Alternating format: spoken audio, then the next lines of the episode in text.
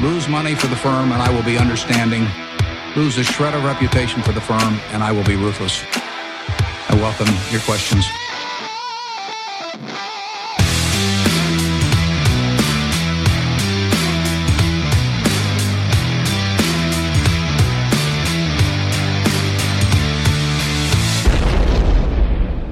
Hej och hjärtligt välkomna till Kvalitetsaktiepodden. Det är jag som är Ola. Det är jag som är Marcus. Ja, och det är jag som är Klas. Det här är avsnitt 146.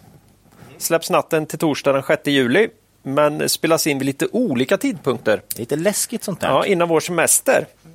Eh, vi gillar ju precis som lyssnarna att få ta lite ledigt under de fina sommarmånaderna. Men vi gillar ju också att lyssna på podd va? ja. I hängmattan eller när vi målar huset kanske, eller stugan eller någonting. Mm.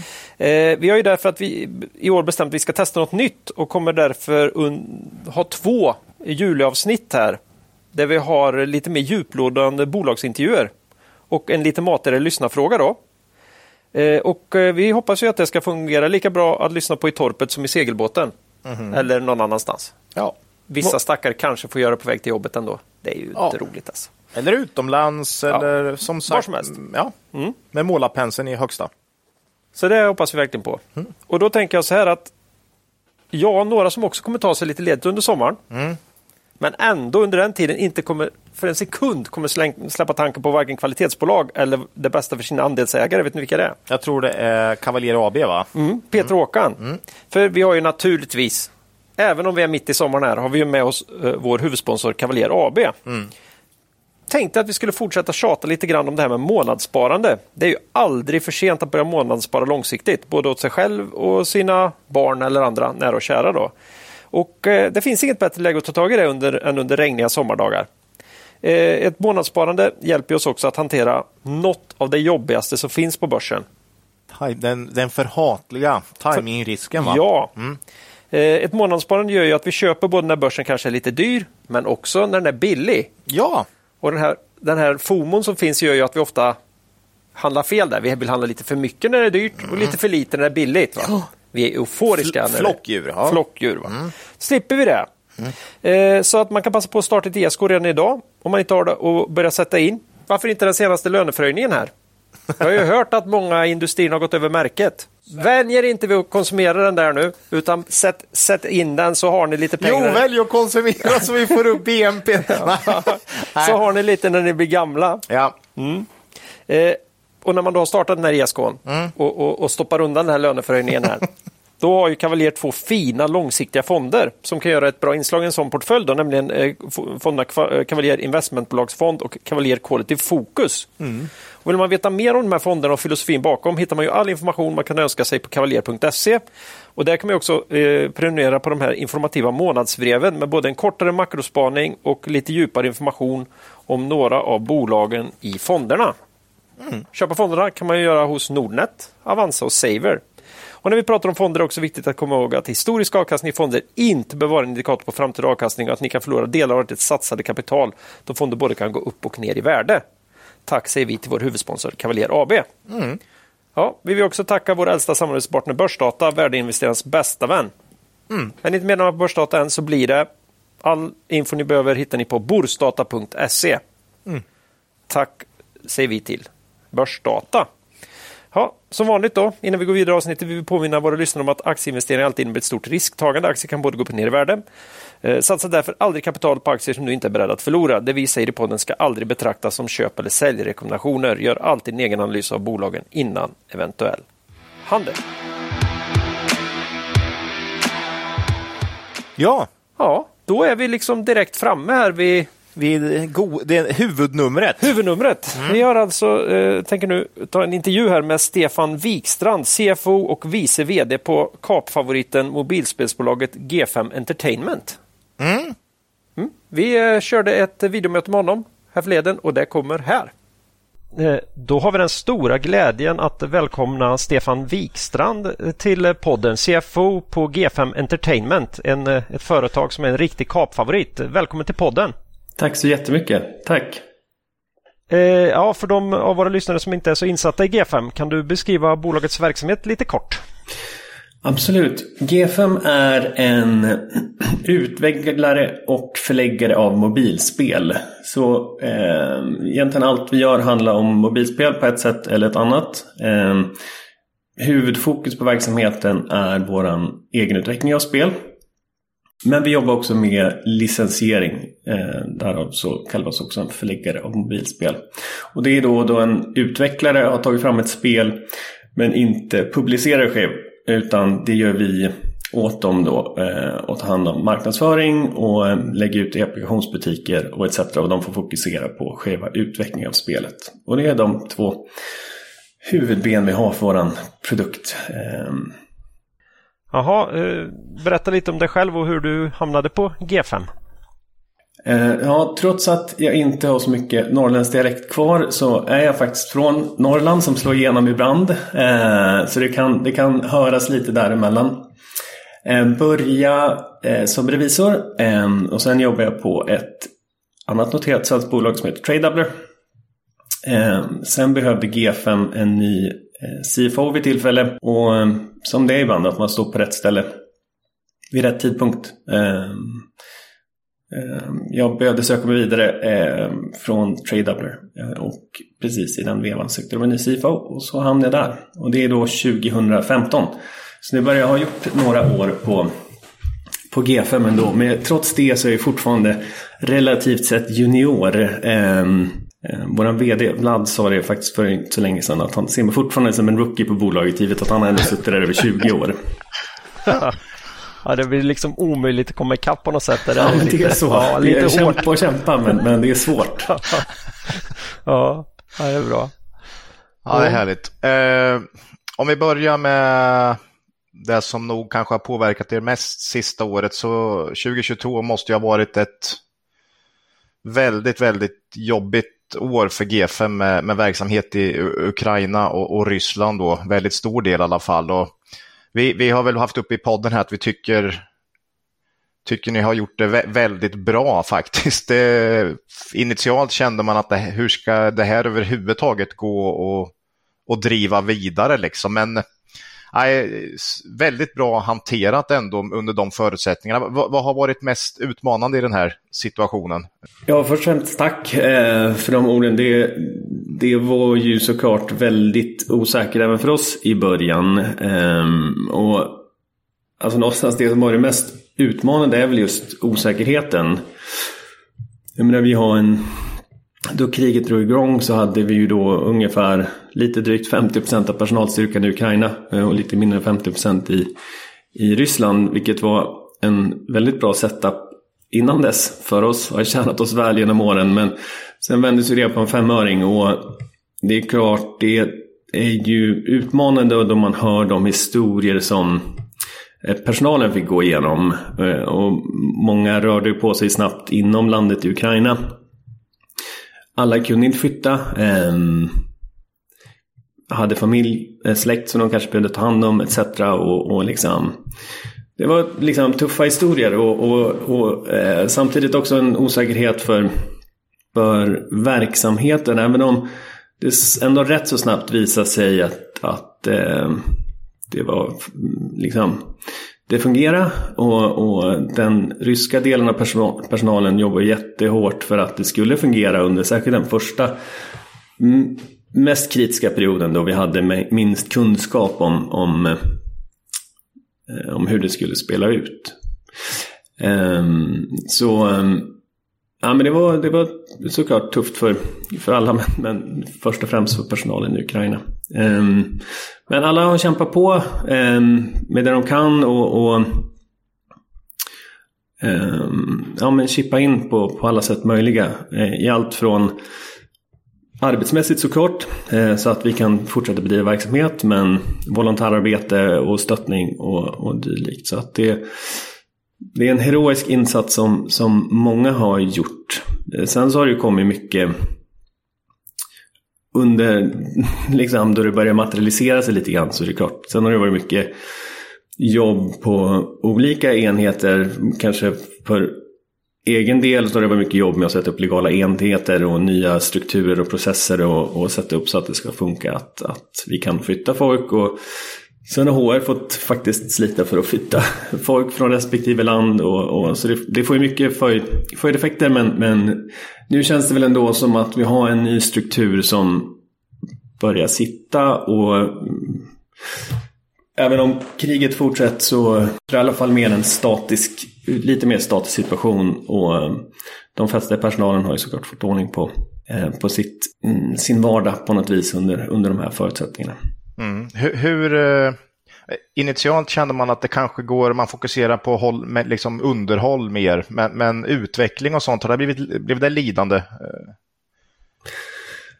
Ja, men särskilt precis i början, och det var vi också rätt tydliga med att, att uh, det är fokus på att drifta det som mm.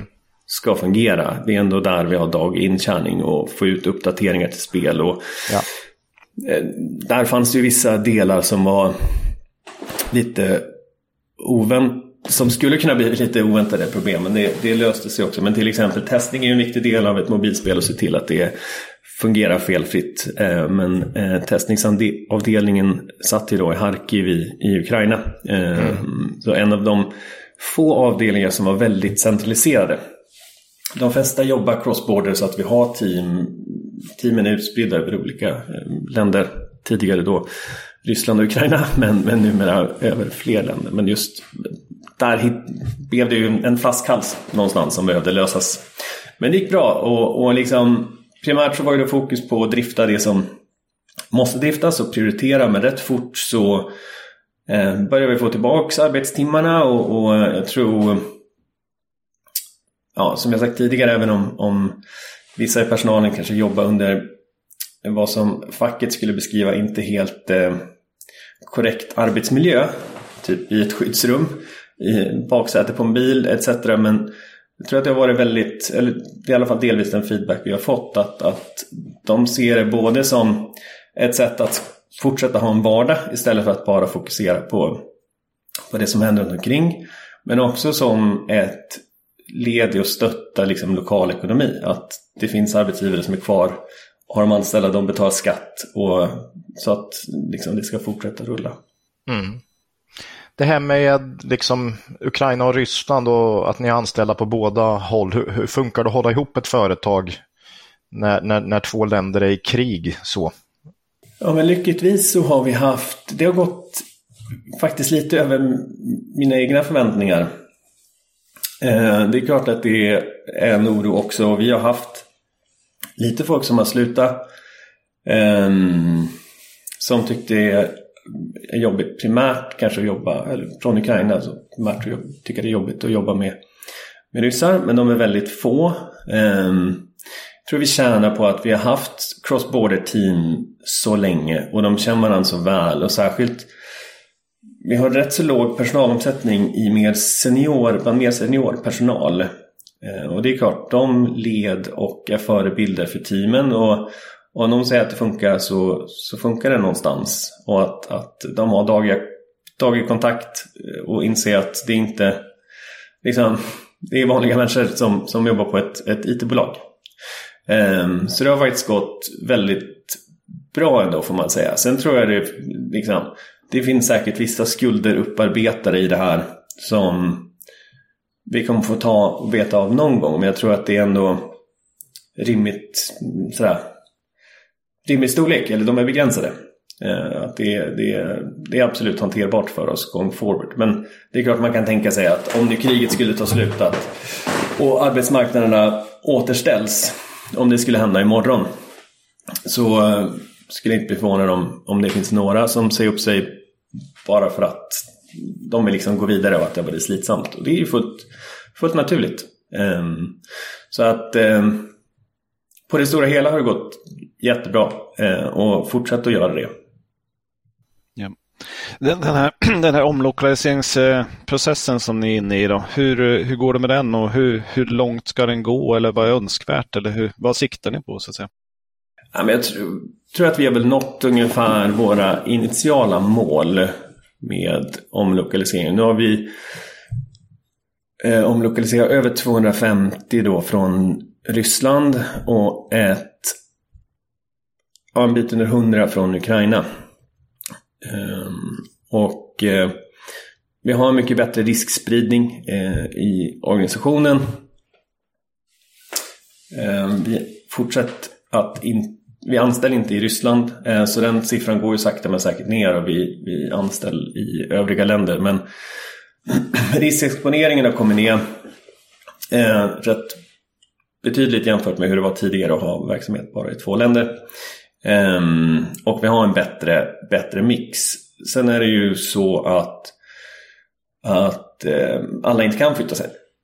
Ehm, och då, liksom, som vi har sagt återigen sedan början av kriget, att vi ser ändå att vi vill vara en, en god arbetsgivare. Vi har ett åtagande inte mot de har ett åtagande mot oss i form av anställda men vi har ett åtagande mot dem eh, som har anställt dem också. Eh, så att så långt det går så stödjer vi dem i deras livsbeslut. Men ser ju såklart gärna att, att footprint i Ryssland minskar och det tycker jag vi har ändå åstadkommit. Hur påverkas kostnadsbilden då när man lokaliserar om? Det borde bli lite höga administrationskostnader att hålla igång eh, många fler kontor eller hur ser det ut? Ja, så är det ju. Ehm, det är inga enorma summor men det är klart att det blir dyrare att drifta. Eh, det är mer adminpersonal och finanspersonal och vad det nu skulle vara. Eh, så att det går upp lite grann men det är väl snarare så att vi normaliserar kanske lite de kostnaderna. Vi har haft väldigt låga kostnader inom, inom de områdena tidigare just för att vi haft en väldigt effektiv setup.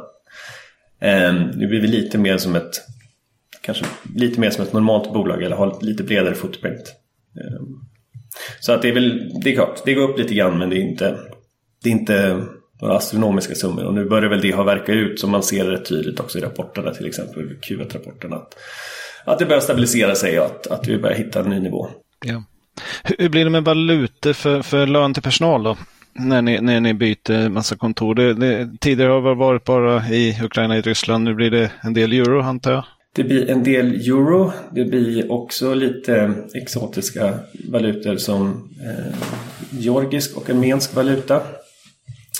Eh, och flera med det. Eh, så att det blir en annan bild där också. Det ser väl också nästan som något positivt att vi får lite bättre spridning på det. Vi har fortfarande lite resteffekter kvar av Um, då vi flyttade över personal så hade de en lön i rubel då som flyttades med till nya, eh, nya länder. Det har inte helt verkat ut än men till stor del att, att vi börjar närma oss att det är ja, men som om man skulle haft dotterbolag där tidigare och anställt folk lokalt eh, så blir det mer och mer, går det mer och mer ditåt. Så idag har vi väl ja, ungefär en sjundedel kanske av, av eh, kostnadsmassan för personalen är kvar i rubel.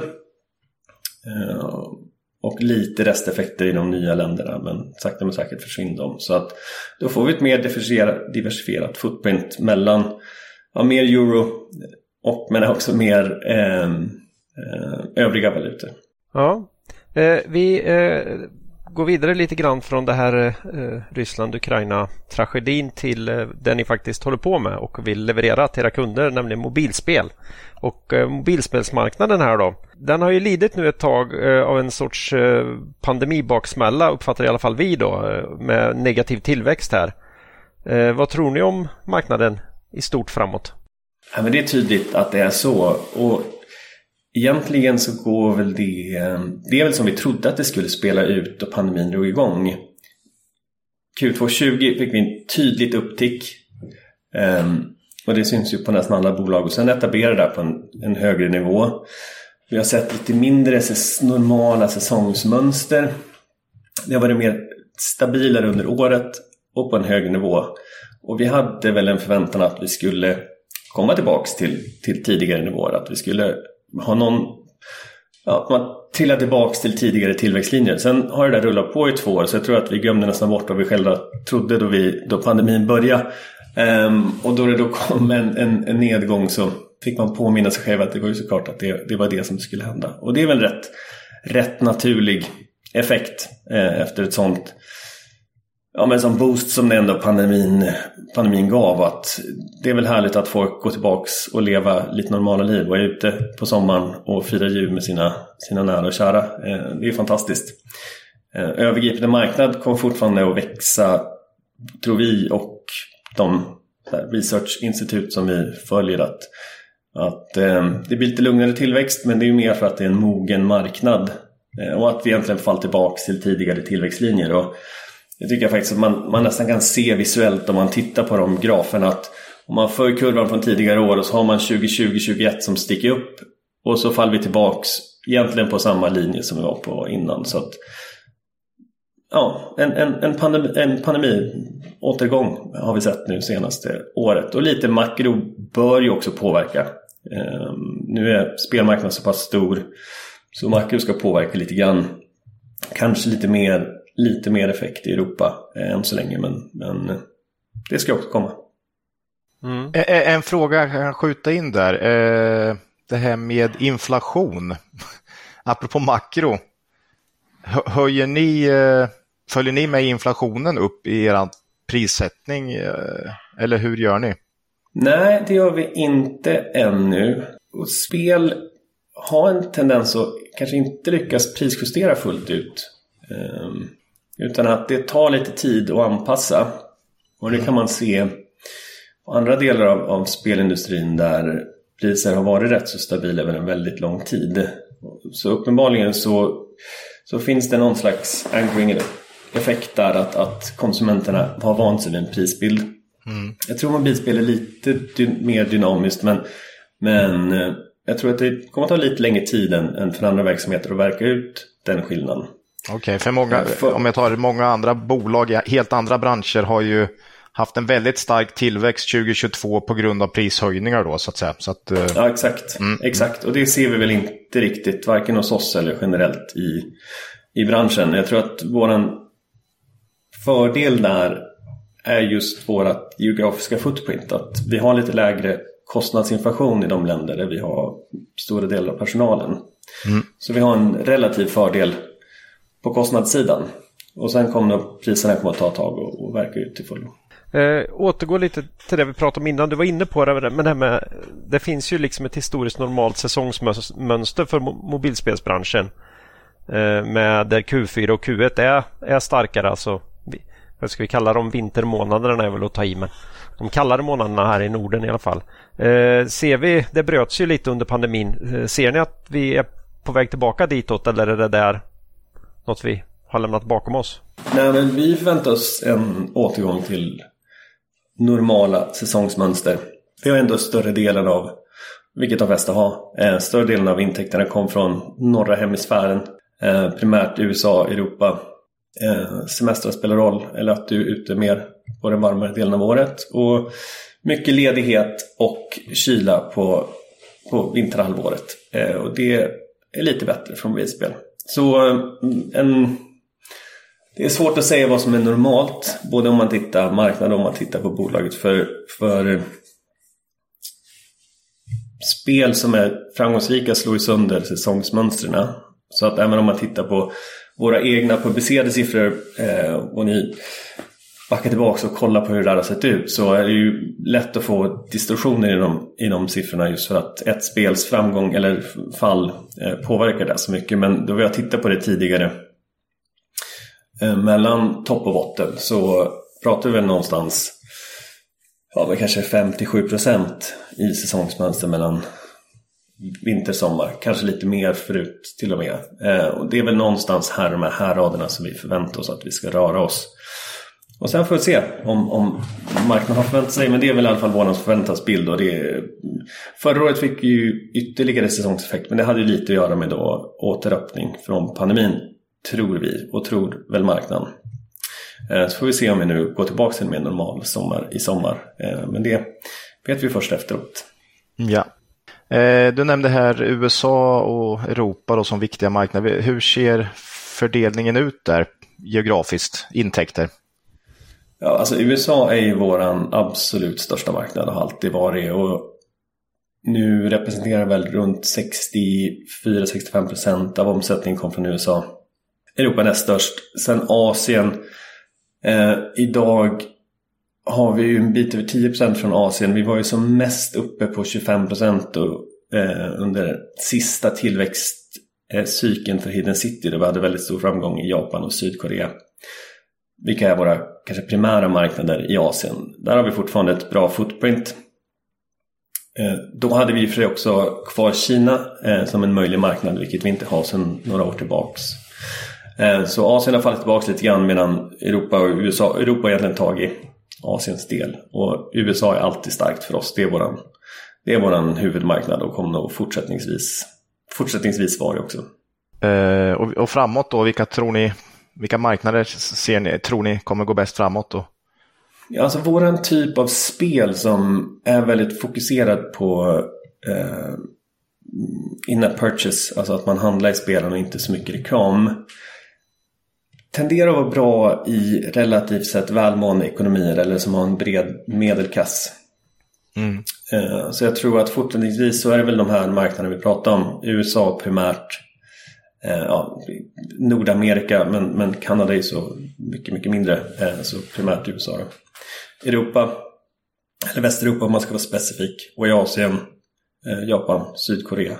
Eh, det är väl huvudmarknaden. Om man tittar på Emerging markets är ju superintressant och där kommer mycket tillväxt från Sydostasien, Indien, Brasilien. Eh, men de har relativt sett låg spänd i spelen. Så att det är inte helt lätt för oss att hitta den typen av spelare som vi kanske riktar oss till i, i andra länder. Så eh, jag tror att vi fortsättningsvis kommer ha dem som våra starkaste marknader. Hur ser kundgrupperna ut här? Har ni någon specifik kundgrupp som är stark? Ja, alltså vi Säg att vi riktar in oss på kvinnor över 35. Det är vår målgrupp som vi riktar våra spel till. Och det har ju varit likadant egentligen sedan vi gick in i mobilspel 2009. Så har den legat fast. Ehm, I vissa spel så ser vi dock att den bäst betalande målgruppen är äldre än så. Så kvinnor över 55 är en väldigt starkt betalande målgrupp. Ehm, säkert Hidden Object-spel. Ehm, och Match 3-spel tenderar att vara lite yngre och lite mer manlig publik. Ehm, men Kvinnor över 35 det är, det är, det är både de vi riktar spelen till och den, även de spelare vi primärt har. Men då har det ändå blivit någon form av spridning där när ni har börjat med ja, Jules och Rome och, och, och de spelen. Ja, vi såg då vi kom med första Match 3-spelen att, att det mm. gick lite yngre och lite mer manligt. Ja, ja. Medan Hidden Object står kvar som då har lite högre andel kvinnor och bland betalande publik särskilt eh, en högre andel äldre kvinnor. Eh, så lite mer breddning och det är väl lite så vi ser på produktutvecklingen delvis också just att gärna bredda men ingen revolution. Så Nej. att det är egentligen rätt önskvärt att hitta mekaniker eller typ av spel som då breddar målgruppen istället för att byta ut den. Ja. Konkurrensen på Hidden Objects då, om, om vi nu fokuserar på, på det och där ni har er stora kundbas. Eh, hur ser den ut och har den hårdnat med tiden så att säga? Jag skulle inte säga att den nödvändigtvis har hårdnat med tiden. Det är det två bolag som gör Hidden Objects-spel i någon skala. Eh, och så har det varit rätt så länge. Eh, det är en fyra, fem stycken som gör spel av någon slags storlek. Mm. Och sen vilka som är störst har varierat lite över tid beroende på eh, de framgångar man ja. har haft. Mm. Um, så att på så vis ska jag inte säga att konkurrensen har ökat. Sen så um, i dagsläget så finns det spel som är lite starkare. Bland annat finns det ett spel som heter June's Journey som är väldigt framgångsrikt. Så på så vis så ökar väl konkurrensen på titel på titelnivå. Ehm, men det är egentligen rätt så naturligt. Utan det är mer att, att vi ska göra ett spel, komma med ett spel som är ännu bättre och överta dem i framtiden. Ehm, och att alla spel har sin cykel. Vi var störst när Hidden City hade sin, sin tillväxtresa så var vi absolut störst inom Hidden Object-spel. Ja. Sen har Hidden City tappat lite grann. Sherlock har gått bra men inte kommit upp på riktigt samma nivå som Hidden City. Medan June's Journey har gått jättebra. Mm. Och sen om ett, två år så kan det se helt annorlunda ut. Eh, det vi ser som fördelen är väl att oftast så om man har ett väldigt framgångsrikt spel inom Hidden Object så tenderar man att bredda målgruppen. Att det är fler som hittar Hidden Object-spel som ändå är en nisch eh, får man säga. Mm. Eh, att fler hittar och tycker att det är en intressant speltyp och då kan söka andra hidden object-spel. Vilket långsiktigt är bra. Eh, så om man tittar på hidden objects tillväxt över åren så är den rätt ryckig. Att du får ett, ett spel som är framgångsrikt och du lyfter en hela marknaden och så sen kanske de letar sig ett nytt spel och går vidare. Så att, okay. ja. Det är lite så det ser ut. Konkurrensen är stort och många pratar om att det ändå har blivit hårdare konkurrens på, på mobilspelsmarknaden i stort. Eh, är det något ni känner igen? Alltså, jag, inte, jag tycker snarare att det är ju det är en marknad som mognar. Det är ju uppenbart. Det är en mycket mm. större marknad som har börjat mogna. Eh, mycket prat om konsolidering. Det förekom, samtidigt så finns det ju mängder med studios där ute eh, som har spel i olika storlekar. Och det kom nya studios hela tiden eh, inom nya och befintliga genrer. Eh, det är klart att för en ny studio så tror jag att det är rätt tufft idag givet att det är mycket dyrare och svårare att publicera spel. Det krävs mer know-how i hela kedjan medan tidigare så kanske det var snarare svårt att, skapa i vissa lägen. Ehm, men tekniska barriärer är väldigt låga. Det finns mycket folk som kan göra spel. Men sen ska du ha kapital och kunskap att publicera spelet och få eyeballs på det och använda det och jobba vidare. Så kanske vallgravarna har ökat något? Det skulle jag säga. Mm. Det skulle jag säga. Sen är de fortfarande inte, fortfarande inte oöverstigliga. Eh, och jag tror att någon gång då och då ska det komma ett Flappy Birds. Jag tror bara att de kommer komma färre och färre gånger. Eller vad man ska säga. Det kommer att vara mer utspritt i tid. Det kommer ja. inte vara lika många. Men någon gång kom de där som helt plötsligt blir virala succéer och kanske skapar ett helt nytt jättestort framgångsrikt bolag. Ja. Eh, och vissa kommer att lyckas gneta sig igenom det här och, och växa gott över tid. Um, men jag tror att för de flesta, eller för marknaden generellt så är det som du säger så blir det mer vallgravar just på grund av, och, och då kom det primärt av, av publiceringssidan och marknadsföringssidan snarare än mm, spelen per se. Om vi växlar spår lite just att gå in på spelen. Ni, ni, har ju sagt att G5 ska göra soft launch på 56 spel, lansera 1 till 2 globalt per år. Eh, hur fungerar den här utvärderingen av vilka spel som ni tar globalt? Liksom? Hur, hur, hur, var testar ni dem och hur funkar det där? Ja, testningen sker nu. Jag skulle säga att vi har ju eh, anpassat oss lite det, mer marknadsanpassa hur vi testar spel. Så nu testar vi i mindre marknader. Där det är billigare att anskaffa en testpublik. Och det är då soft launch-delen. Medan tidigare så då vi gick till soft launch så hade vi oftast en mer färdig produkt som vi lanserade globalt men att man soft launchar liksom på alla marknader samtidigt men kanske fokuserar på vissa testmarknader. Nu gör vi snarare en tyst soft launch i olika steg. Vi gör det på mindre marknader, som sagt billigare att anskaffa en publik. Eh, och så ska de då spelen möta ja, vissa förutsatta kopior som vi vill se att de ska klara av eh, innan vi tar dem till nästa steg och så itereras det här runt i en soft launch-fas på vissa marknader tills dess att vi känner att produkten är tillräckligt bra för att ta till en global marknad och göra en riktig release på. Hur gör ni utvärdering då? Det måste ju vara ganska viktigt att den här testgruppen är representativ och sådär. Liksom. Ja, men det, det är så pass stort så det finns mycket data och en tillräckligt stor grupp spelare är inte allt för dyrt att anskaffa och du vet ungefär vad så här, vad ska ditt benchvärde vara i den här marknaden jämfört med hur det skulle se ut i USA där du kanske har högre spänd per spelare. Så du har en lägre spänd. Men du vet att det ska vara lägre spänd i Polen eller i ja, var det nu testas. Eh, och det där har ja, primärt och marknadsföring, det där har de väldigt bra koll på. Eh, och hur det, borde, hur det borde se ut och vad vi ska liksom möta jämfört med marknaden för att, för att det ska vara Ja, att de ska ta sig vidare någonstans till nästa steg och förhoppningsvis då möter de alla kriterier och content utbyggt och man kan lansera globalt.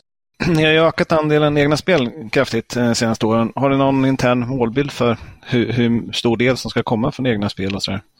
Nej, egentligen inte i dagsläget. Utan vi hade en intern målbild då vi investerar mycket i egenutveckling.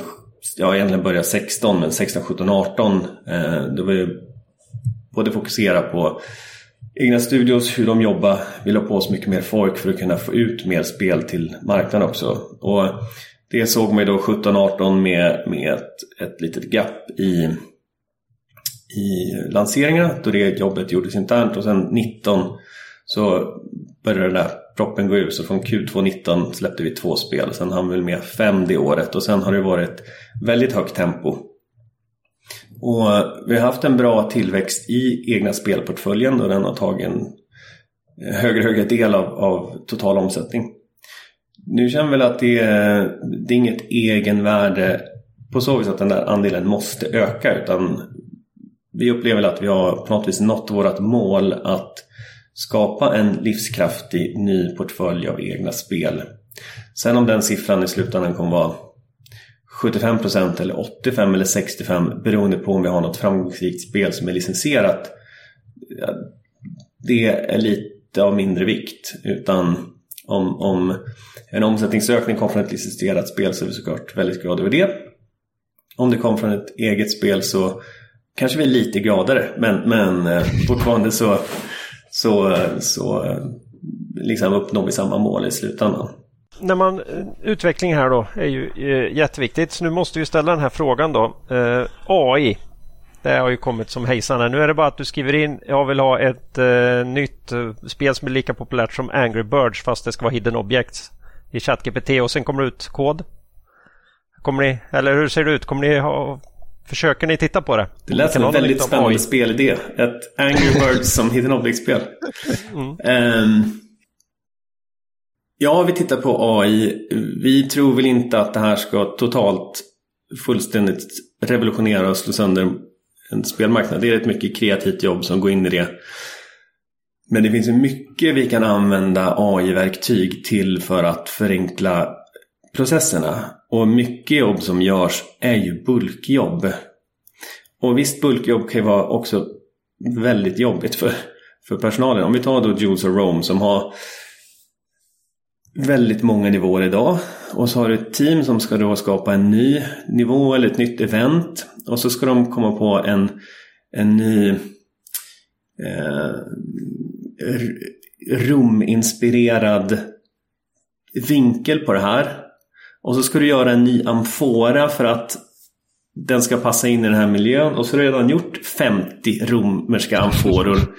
Då kanske det är ett gött att kunna plugga in det och någon spottar ut lite idéer och säger ja men så här kanske en annan romersk amfora skulle kunna se ut. Och så kan du jobba vidare med det och förädla den.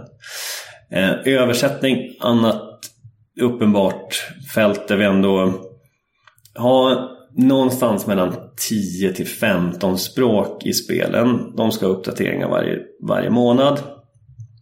Någon ska översätta det här och se till att det ser bra ut. Här kan man ju istället för då lägga ut det som gjort tidigare eh, igenom en AI-motor och ha mer högkvalificerad personal som bara dubbelkollat att det där såg rätt så bra ut. Eh, och jag tror att på sådana områden så kommer AI att vara en, en uppenbar hjälp och också eh, reducera kostnader eh, såklart.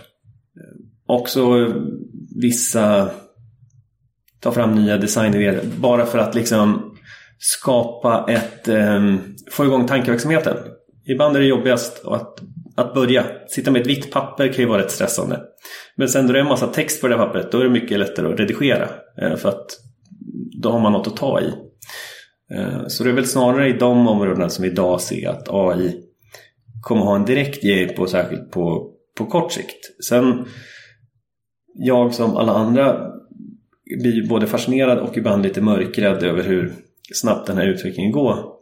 Eh, så får man väl se och vara på tå och följa med ehm, i de rörelserna. Men på det stora hela så tror vi väl ändå att den kreativa process som ändå tar fram spel är utan att vara ja, men att ge spelare en ny upplevelse som de tycker är intressant och fascinerande och vill spela.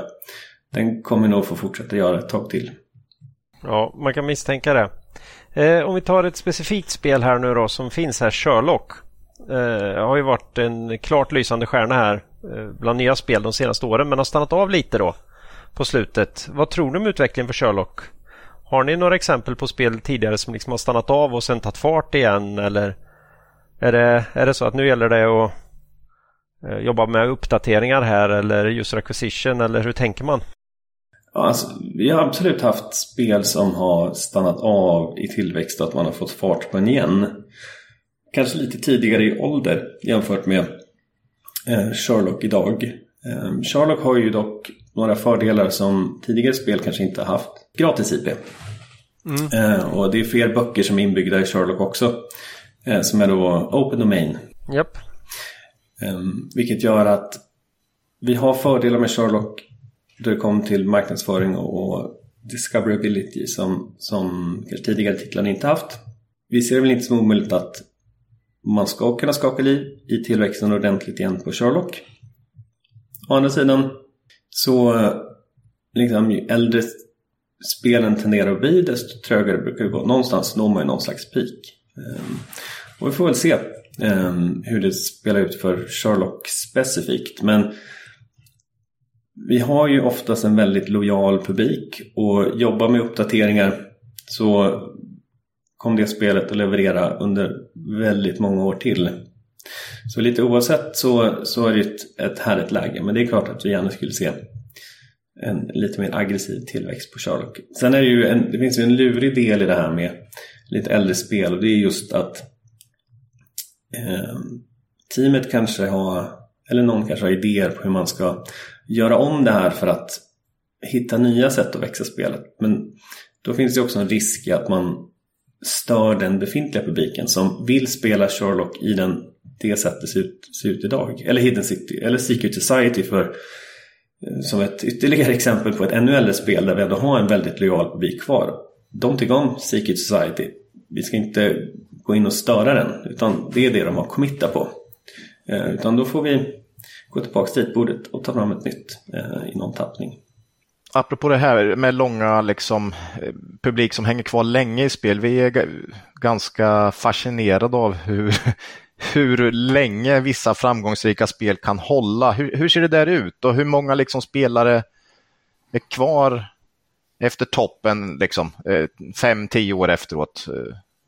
Ja, men om vi tar Secret Society, det är väl det äldsta vi har i alla fall som ha någon slags size. Och även om det spelet hade en lite tuff historia under några år då vi tog över spelet så, så har det varit konstant uppdaterat och, och ha en, en väldigt lojal publik. Dels spelet släpptes 2012, började växa 2013. Det pika 15-16, jag tror att det var vintern där. Och vi har väl fortfarande kvar, så det är ju då Ja, det är inte tio år sedan peak men det är i alla fall mer än tio år sedan lansering. Mm. Och det presterar väl ungefär på 20% av peak revenue. Ja. Cirkus. Mm. Mm. Idag. Mm. Och är ju och fort... väldigt stabilt. Och den kurvan eh, nu börjar jag vifta med händerna här och det är värdelöst för en podd. Men, men, men efter ett tag, efter några år när man tappar publik så, så planar kurvan ut och du har en väldigt lojal publik. Även om det är en bit upp till till toppen såklart. Men, men eh, du körnar ut, eller ja, eh, publiken och sen plattas den här kurvan ut och sen är den väldigt stabil över väldigt lång tid. Och då kanske man har ganska låga kostnader då på slutet också, eller hur? Ja, både och. För att plana ut kurvan eller hålla den så stabil som möjligt så krävs det fortfarande ett team som släpper bra uppdateringar. Och det blir väldigt, ja men inte uppdateringsdrivet men publiken förväntar sig uppdateringar för att det skapar nytt content. Sen kan vi mm. lägga på nivåer i, i liksom göra spelet längre. Men det är ju en, en stor drivare av, av, både intäkter och content i spelarna. Så att teamet måste sitta kvar men det är klart du kan ju börja optimera på ett annat sätt. Om du har ett spel där du precis i början av en tillväxtresa du ser att det här ser väldigt bra ut, kopiorna ser väldigt starka ut, man börjar kasta marknadsföringspengar på det då är det ju lätt att man vill ju bara se till att det spelet har alla resurser som det kan tänkas behöva. Mm. Så då är det ju mer en fråga om att anställa eller flytta folk och kasta folk på problemet och se till att vi får så mycket ut av den publik som vi har skaffat som möjligt. Då det är mer steady state så kan du jobba mer optimerande med personalen. Så det är klart att det är lite billigare att drifta. Men på de här lite större spelen så har vi fortfarande ett team kvar som jobbar på dem. Det är en annan sak då man kom till dem som då är det vi kallar harvest mode. Ehm, där intäkterna börjar bli så små över en lång, ja, har minskat över en tid och kommer ner på en nivå där det inte är motiverat att ha ett eget utvecklingsteam. Då flyttas de till ett centralt team som jobbar med ehm, med egentligen bara hålla liv tekniska uppdateringar, vissa content-uppdateringar till de här spelen. Då blir ju såklart ytterligare avsevärt mycket billigare att fortsätta att drifta dem. Om, om vi hoppar över till distribution av spel då. Ni har ju sett en stark ökning på G5 Store eh, på senare tid och 8 av försäljningen i Q1, 130 tillväxt eh, från för, föregående år. Så vad, vad, har ni ändrat något i arbetet med G5 Store eller vad ligger bakom att det växer så kraftigt? Nej, egentligen inte. Eller ja, det är klart att vi utvecklar produkten. Eh, så den vidareutvecklas och vi har bland annat lanserat den här det som heter G5 Store Launcher eh, som då du laddar inte bara ner spelet, du får med liksom en hel G5 butik eh, och sådana saker spelar roll. Sen tenderar vi att, att moderera våra risk över tid. Så G5 Store lanserades, man börjar marknadsföring, hitta sätt att få in användare, korsförsälja eh, och få över fler och fler användare. Sen när man ser att det funkar så bygger man ju sakta men säkert på det där och ökar budgetar och försöka få in folk den vägen eh, för att eh, till G5 Store. Det är fortfarande primärt Windows. Windows var det som vi lanserade först och är den då äldsta delen av G5 Store. Eh, nu finns den ju för Mac och för Android. Eh, Android också växer väldigt fort men från väldigt små nivåer så där blir procent inte en så, så intressant jämförelse. Eh, så att egentligen inte att, att vi har gjort några större förändringar förutom en, en normal vidareförädling. Eh, men sen framgång föder framgång om man får råg i ryggen och, och allokerar mer budgetar eh, och så sakta men säkert så växer den. Vad, vad tror ni, hur hög andel kan man uppnå i egen butik så att säga? Ja, alltså givet, givet tillväxt idag och, och även om vi vi är inget litet bolag men, men mobilmarknaden är väldigt stor. Och mer specifikt kanske marknaden för casual-spel. För det Tidigare sa vi ju väldigt tydligt att vi är en mobilspelsutvecklare. Och det säger vi fortfarande, det var där jag började det här samtalet också, att vi är en mobilspelsutvecklare. Men ibland skulle jag snarare vilja beskriva det som att vi gör casual-spel inom vissa, vissa nischer. Eh, de passar väldigt bra att spela på mobiltelefon, du kan spela på småskärmar. Hidden Object-spel vet vi historiskt och det är samma sak idag. Mycket detaljrika, våra spel har väldigt mycket grafik. Och hidden object, det går ju ut på att du då ska hitta objekt i liksom en vy, ett rum eller en park eller något så ligger det en massa objekt eh, utplottrade och så ska du leta rätta på vissa specifika av dem. Och de upplevs ofta vara lättare att spela på större skärm. Och eftersom vi också har en äldre publik så kan man ju tänka sig att det blir ytterligare lite lättare att spela på större skärm. Så att liksom, vi gör casual-spel inom vissa, vissa segment. Vi har ju sett att vi har haft väldigt god framgång på Windows Store länge. Um, och, och marknaden för casual-spel är större än bara mobilspelsmarknaden. Där vi såg vissa PC konsolutvecklare gick mot mobil och lanserade deras spel så att de går att spela på mobil. Så är väl kanske vi då de som går åt andra hållet. Att vi har mobilspel som går att spela på en PC. Som man i och för sig alltid har gjort. Um, sådana fantastiska spelupplevelser som MS Röj och Patiens. men som nu är lite bredare. Um, och liksom, Som sagt, så stor är vi inte så att eh, den inte har en, en lång tillväxtresa kvar. Jag vet i kolet på Q1 så så att vi ser ingen anledning att den inte skulle kunna bli 25% av sales. Och det ser väl fortfarande inte. Jag tycker att vi är i alla fall på god väg att, att nå 10 och om det blir 10 varför kan det inte bli 12 och, och så vidare. Eh, och så får vi se, får vi göra rätt saker och fortsätta gneta.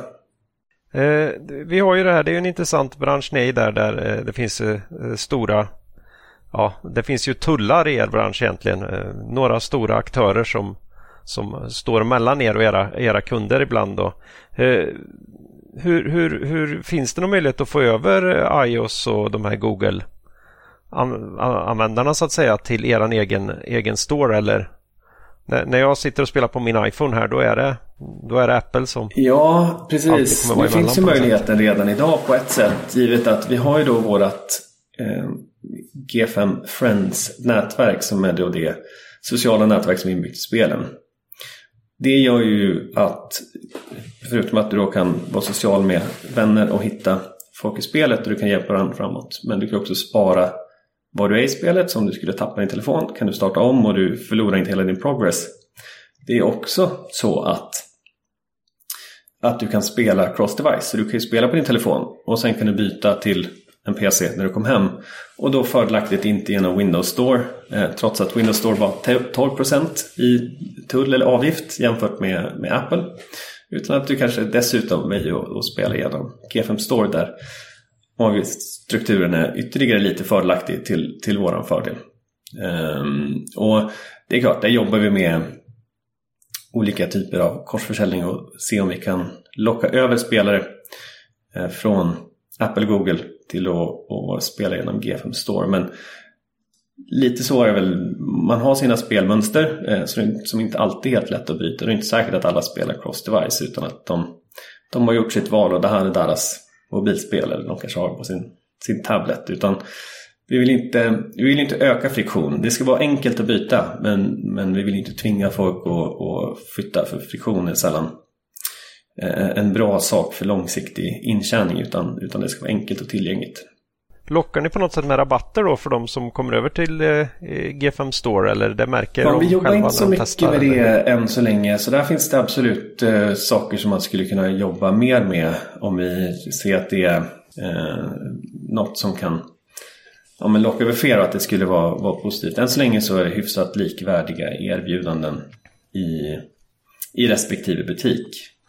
Eh, sen hade vi någon tro på att vi hade så lojala kunder så att vi gjorde faktiskt ett test och skulle se om vi liksom kunde locka över dem bara för att de skulle stödja sin utvecklare lite mer.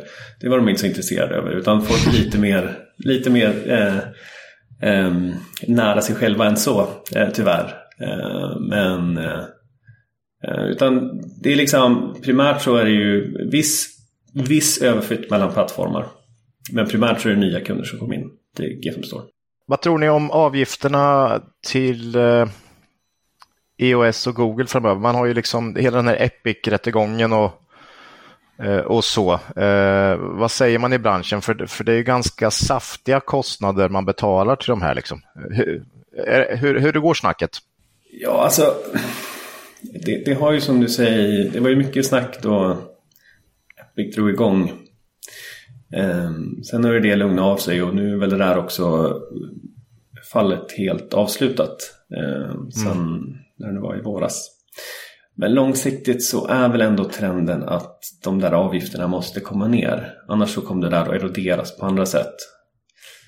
Eh, vi ser också annan typ av lagstiftning. I, EU har ju lagstiftning på väg eh, som kommer att attackera på olika sätt. Sydkorea införde lagstiftning för några år sedan just att, att möjliggöra för, för betalning direkt till utvecklare. Så trenden finns väl där. Eh, när, exakt när den materialiseras Ja, jag vet inte om jag skulle vilja gissa det men, men eh, på sikt så bör de ju komma ner. Det är inte riktigt rimligt. Och Sen liksom som liten utvecklare och särskilt då det var ett, ett nyfött ekosystem så var det kanske inte så orimligt. Det är rätt mycket som, det ska man ju det är rätt mycket som man slipper göra. Som, som eh, publicister när man lägger ut nya spel, särskilt då i liten. Som vi har fått jobba aktivt med just när det kommer till G5 Story till exempel. Jag menar, det är allt från ja, moms är ett inte helt eh, oöverstigligt hinder som man ändå ska ta sig igenom. Där det är nere på kommunnivå i USA där du ska ha koll på det där och betala in rätt till rätt ställe. Och då kan du dessutom ha ett postnummer som ligger på en delstatsgräns. Så då kan det vara nere på kvartersnivå om man ska få det rätt. Oj. Och det är klart, sånt slipper man ju helt plötsligt eh, om man bara kör med Apple. Och särskilt då om man är mindre utvecklare och då liksom den här Tidigare så var det fullt rimligt men nu finns det så många stora spelare och de har en, en hyfsat god intjäning tror jag på på applikationsbutikerna. Så att det skulle bli en justering, det tycker jag väl är det är nog rätt rimligt och det är nog rätt, alla rätt överens om, även om man kanske inte vill gissa när. Om vi tar något närliggande då med, med eh, såna här användarförvärv och annonser och så. Ni, ni, har ju talat om att hålla kostnaderna för, för UA, då, som man brukar kalla det, på 17 till 22 procent av omsättningen 2023. Är det liksom en underhållsnivå för spelen eller är det liksom tillräckligt för att även göra offensiva satsningar för att växa? Så att säga? Ja, men båda gå in där. Eh, men det är klart om du ska göra en riktigt offensiv satsning då kommer du behöva gå utanför det där. Och det, det är väl det vi har sagt också just att vi håller oss inom det här intervallet tills vi säger något annat. Om, om det skulle materialisera sig en enorm möjlighet på något spel befintligt eller nytt då är det väl inte omöjligt att vi går utanför det där. Eh, men det finns fortfarande möjlighet både att vi kan ju allokera inom de där. Det är inte så att allt går till ett spel utan det är utspritt och vill man hålla sig inom intervall och ändå fokusera så, så kan du lägga en högre andel på, eh, på ett specifikt spel. Så det finns möjlighet att växa inom det intervallet eh, och delvis underhåll. För det finns ju en del av, av användarfärg som är underhåll eller ja eh, ersätta en, en, en publik som trillar bort och så några kommer sluta fort och några kommer bli, bygga på den här longtailen som vi pratade om tidigare på spelen. Eh, det är ju ja, en, del, en del underhåll och en del är absolut för tillväxt. Hur fungerar det arbetet med, med UA i praktiken? Hur, hur avgör ni hur mycket som ska satsas? Så att säga? Är det bara modellerna som säger det? Ja, typ. det, nej, inte, inte, det är klart att vi har en bild över totalvolym. Eller rätt sagt, vi har, sen vi gjorde om marknadsföringen så har vi hamnat i det här 17 22 procents intervallet. Eh, och det var inte ett, ett gudagivet intervall eh, sen innan. Eh, utan det var en rätt väl, det blev rätt välanpassat givet hur portföljen ser ut idag. Och marknadsföringsmodeller. Sen är det klart att vissa månader så är de, tycker de att det finns mer möjligheter än vad det finns andra månader. Så ibland kommer de in under vad de själva gör i sin månatliga budget. Så vi budgeterar även det här månadsvis. Så vi har såklart en längre budget, vi har en tanke kring intervallet men sen läggs de här budgeterna också månadsvis och kalibreras. Ehm, och ibland lyckas de och ibland lyckas de inte få ut eh, hela budgeten. Och då är vi tillbaks till modellerna eh, och vad de pekar på och vad de kan då vad de tror att de får förväntat utfall på de kanaler som är aktiva just då. Vart, vart gör ni reklam då? Är det främst i andra spel eller hur pass, hur pass många olika kanaler finns det att göra marknadsföring i?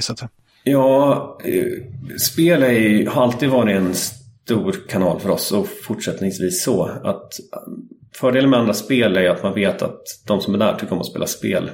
Ehm, så det brukar vara en, en, en bra kanal. Men vi gör såklart också eh, sociala medier av olika snitt och former. Eh, en inte oväsentlig del. Nu gör vi mer webbannonsering också för att driva folk till GFM Store. Fortfarande lite mindre, eh, lite mindre volym än en, eh, en eh, total user acquisition. Men det är en blandning, men, men just andra spel är en framgångsrik källa för oss och har alltid varit. Eh, om man tänker prisbilden på den här typen av annonser då. Eh, vi har andra branscher eh, annons, där annonser är viktiga. Vi har hört att konkurrensen har minskat rejält nu om reklamplatserna när pengar har börjat kosta igen. Det finns inte så mycket gratis pengar från ägare och andra som kan användas för det här. Då. Hur, och då kanske kostnaderna ska ner också. Har ni märkt av det? Um, alltså det är ju, mobilspel är ju ändå väldigt konkurrensutsatt. Och det finns inte så många gratisluncher. Så att det där tenderar att anpassa sig och sen använder vi inte alltid samma kanaler som ett retailmärke till exempel eller något annat. Så att det är inte helt, inte helt samma, samma, samma kanaler. Och om priserna tenderar att gå ner eh, så man skulle då få en bättre payback på annonseringen då finns det ändå tillräckligt många parter på den här marknaden som har råd och möjlighet att spendera på user acquisition så att de där fönstren ändå hyfsat snabbt stängs. Um, och Ja, så att det finns egentligen inga gratisluncher på den meningen att, att, även om marknaden, om marknaden skulle bli billigare skulle vi då rimligtvis spendera mer eller ha bättre payback på våran user acquisition. Och den är väl hyfsat normal skulle jag säga. Eh, för att om folk har mindre pengar så tenderar de också kanske spendera lite mindre. I alla fall svansen av spelare. Och då kompenseras det där från två håll. Uh, nej, ett annat, uh, du pratar om att ni också kan uh, finnas på sociala medier. Ett, ett, fenomen där som har funnits ett tag som jag tycker har blivit tydligt, alltså mer och mer vanligt förekommande, är sån här fejkad mobilspelsreklam. Då. Där, där man annonserar ut ett slags spel som ofta kan se ganska trivialt ut med fin grafik eller någonting och Eh, om man då skulle försöka ladda ner det där så är det ja, egentligen ett helt annat spel eh, man får. Eh, har, hur, hur, ser ni på det här och är det något som liksom stör seriösa aktörer som er? Alltså, för det första så är jag fortfarande lite fascinerad att det funkar. Eh, just att, att att du spelar ett spel och någonsin laddar ner ett spel så är det något annat men, men de är tillräckligt bra på att kroka fast spelarna så att de spelar tillräckligt länge för att det ändå ska vara värt det. För det är ändå liksom, det är inte gratis och, oavsett vad du gör annonsering. Och det, är något, det är något som är väldigt fascinerande i just det där kan jag tycka. Och jag skulle tyvärr säga, eller, eller hur jag nu ska frasera det här, men att, att eh, det här eh, görs även om rätt så stora bolag från tid till annan. Så det är inte bara att du är liksom en up and coming studio som har hittat något sätt att att kösa dig fram utan det finns ett stora bolag som gör det och då får man väl ändå beteckna som seriösa förhoppningsvis. Ehm, så att eh, det är väl typ tyvärr så att whatever works works. Ehm, men så länge våra annonser visar det de ska göra och att folk få en bra upplevelse av våra spel. Det är väl det vi kan fokusera Jag upplever inte att det smittar av. I alla fall inte på oss, inte vad jag har hört. Ehm, och det kanske är så att det är en typ, en publik, den publik som reagerar på det där kanske ehm, går igenom fler spel också på en, på en given tidsrymd. Så att det är lite mer slit och släng. Och då kanske man reagerar på en annons för att det är roligt och så fick du något annat spel och så provar du det ett tag bara för att nu råkar du ladda ner det och sen går du vidare i livet. Och vissa kanske tycker att det där var en jättebra spelupplevelse ändå och fortsätt. Um... Hur ser ni generellt på att använda mer annonser i spelen? Det finns ju mobilspelsföretag som har nästan bara intäkter från annonser. Liksom. Ja, vi har ju en väldigt liten del jämfört med andra. Och vi har alltid varit väldigt fokuserade på köp i spel. Det som då in-app purchase. Och att det är så vi tjänar pengar på, på våra spel. Eh, vi skulle gärna se en lite högre andel eh, intäkter från annonsering. Men vi är väldigt måna om att inte störa intjäning, befintlig intjäning i spelen att spelare vän sig antingen vid ett annat mönster beroende på vad det är för typ av annonser eller att de tycker att annonserna är så störiga så att de slutar spela. Så vi är fortsättningsvis väldigt försiktiga hur vi rullar ut annonsering. För att det ska vara en bra spelupplevelse som folk vill spela under en längre tid. Och jag spelar också mycket storyline i sig. Mm. Liksom, ska du sätta in i det där och så börjar det dyka upp, dyka upp annonsering. Det kan nog upplevas rätt störande för många. Så vi fortsätter jobba såklart med annonsering. Vi har vissa spel som vi eh, labbar lite mer med för att se, för att hitta vägar fram. Men, men kärnan i vad vi gör är ändå att göra djupa och intressanta spel för vår målgrupp och att de ska tycka att de är intressanta nog att fortsätta spela. Eh, och gör det under en längre tid. Och, så det kanske blir en, det, det blir lite av en naturlig fälla det där också att, att eh, ett spelteam som kan det och är väldigt duktiga på det och så ska de eh, introducera marknadsföring i spelen där det är okänt hur mycket de kommer att tjäna mm. och det finns en risk att de kommer att störa befintlig intjäning. Kanske blir lite konservativa också i, i en sån utrullning. Så att vi jobbar aktivt med det, hitta nya sätt, eh, hitta best practice för våran målgrupp och, och jobba med det. Men, men ja, uppenbarligen så är inte det den stora tillväxtmotorn i G5 i dagsläget. Men en lite högre andel eh, annonsering skulle vi gärna se över tid. Om, om det ja, men som sagt går att introducera på ett, på ett bra sätt. Och ni är ju inte, ni är inte främmande för uh, den här, det här alltså annon, annons som intäktskälla. Det är bara att det måste passa in i det spelet så att säga. Det måste gå att få det naturligt då. Exakt, exakt. Eh, och sen den andra sidan av myntet med just att vi säger att vi annonsering i andra spel är väldigt bra för mobilspel. Men du säljer också din publik. Och våran publik har ett rätt högt värde om man ser till Ja, men om man då tar en betalande spelare som vi har en snittbetalning på över 60 dollar i månaden i dagsläget för de som faktiskt betalar i spelen. Det är rätt dyrt att sälja en sån användare för några futtiga cent i reklampengar. Eh, och det är, det är egentligen den balansen det handlar om. Att, att, att hitta en väg framåt i det utan att störa befintlig intjäning. Och, och, men det kan ju fort bli dyrt om man inte gör det rätt mm. Mm. i alternativkostnad. Om, om vi går in på en annan sak. Ni, ni, gjorde, en, om, ni gjorde om redovisningsmodellen för aktivering av kostnader för spelutveckling eh, förra året. Där. Hur, hur gick resonemanget bakom den förändringen och varför skedde det just då? Ja, det knyter an lite grann till det vi pratade om tidigare, just det där med lansering av spel. Just 56 mjuklanseringar och 1-2 eh, lanseringar. Som sagt tidigare så gjorde vi då våra mjuklanseringar globalt medan nu så har vi övergått till att alla spel testas i specifika marknader och ska nå vissa kriterier för att ta sig vidare i, i, i liksom utvecklingskedjan och sen bli slutligt bli globalt lanserade förhoppningsvis. Det där var en förändring som har legat och egentligen puttra ett tag. Egentligen sen vi lanserade Sherlock som delvis gick igenom det här äh, testet på samma sätt som vi har idag. Och, och nu liksom ska jag, typ, det är inte så att vi inte testar våra spel innan. Vi bara, har bara um, fine-tunat lite uh, och att alla spel ska behandlas likadant.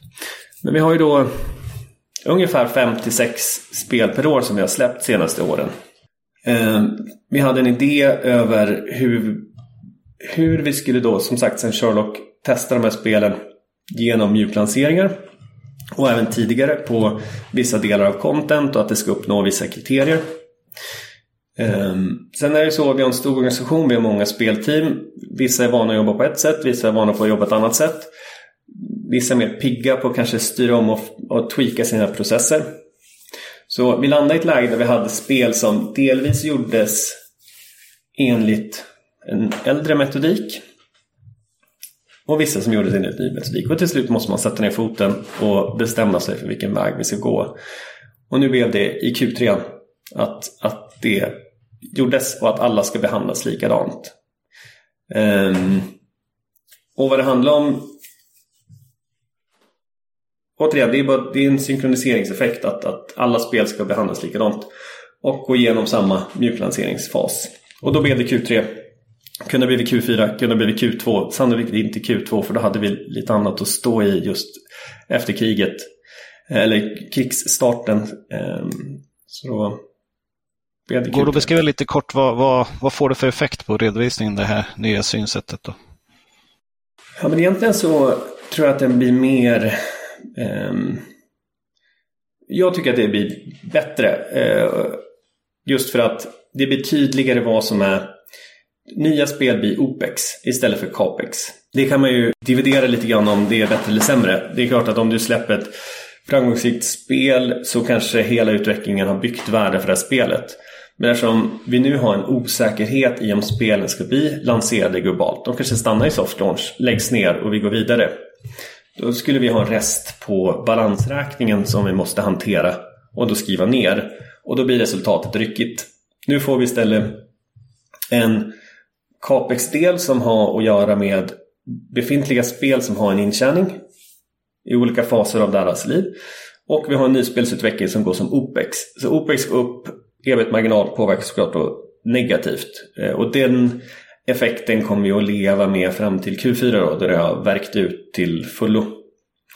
Eh, men fram till dess så kommer det att se ut som year over year har vi en lägre ebit-marginal än en högre OPEX. Men jag tror långsiktigt så blir det lättare att det blir lite lättare att bedöma bolaget och jag tror risken kommer också ner på balansräkningen ytterligare då, då vi inte har nya spel som ligger där utan det är spel som faktiskt har någon slags intjäning.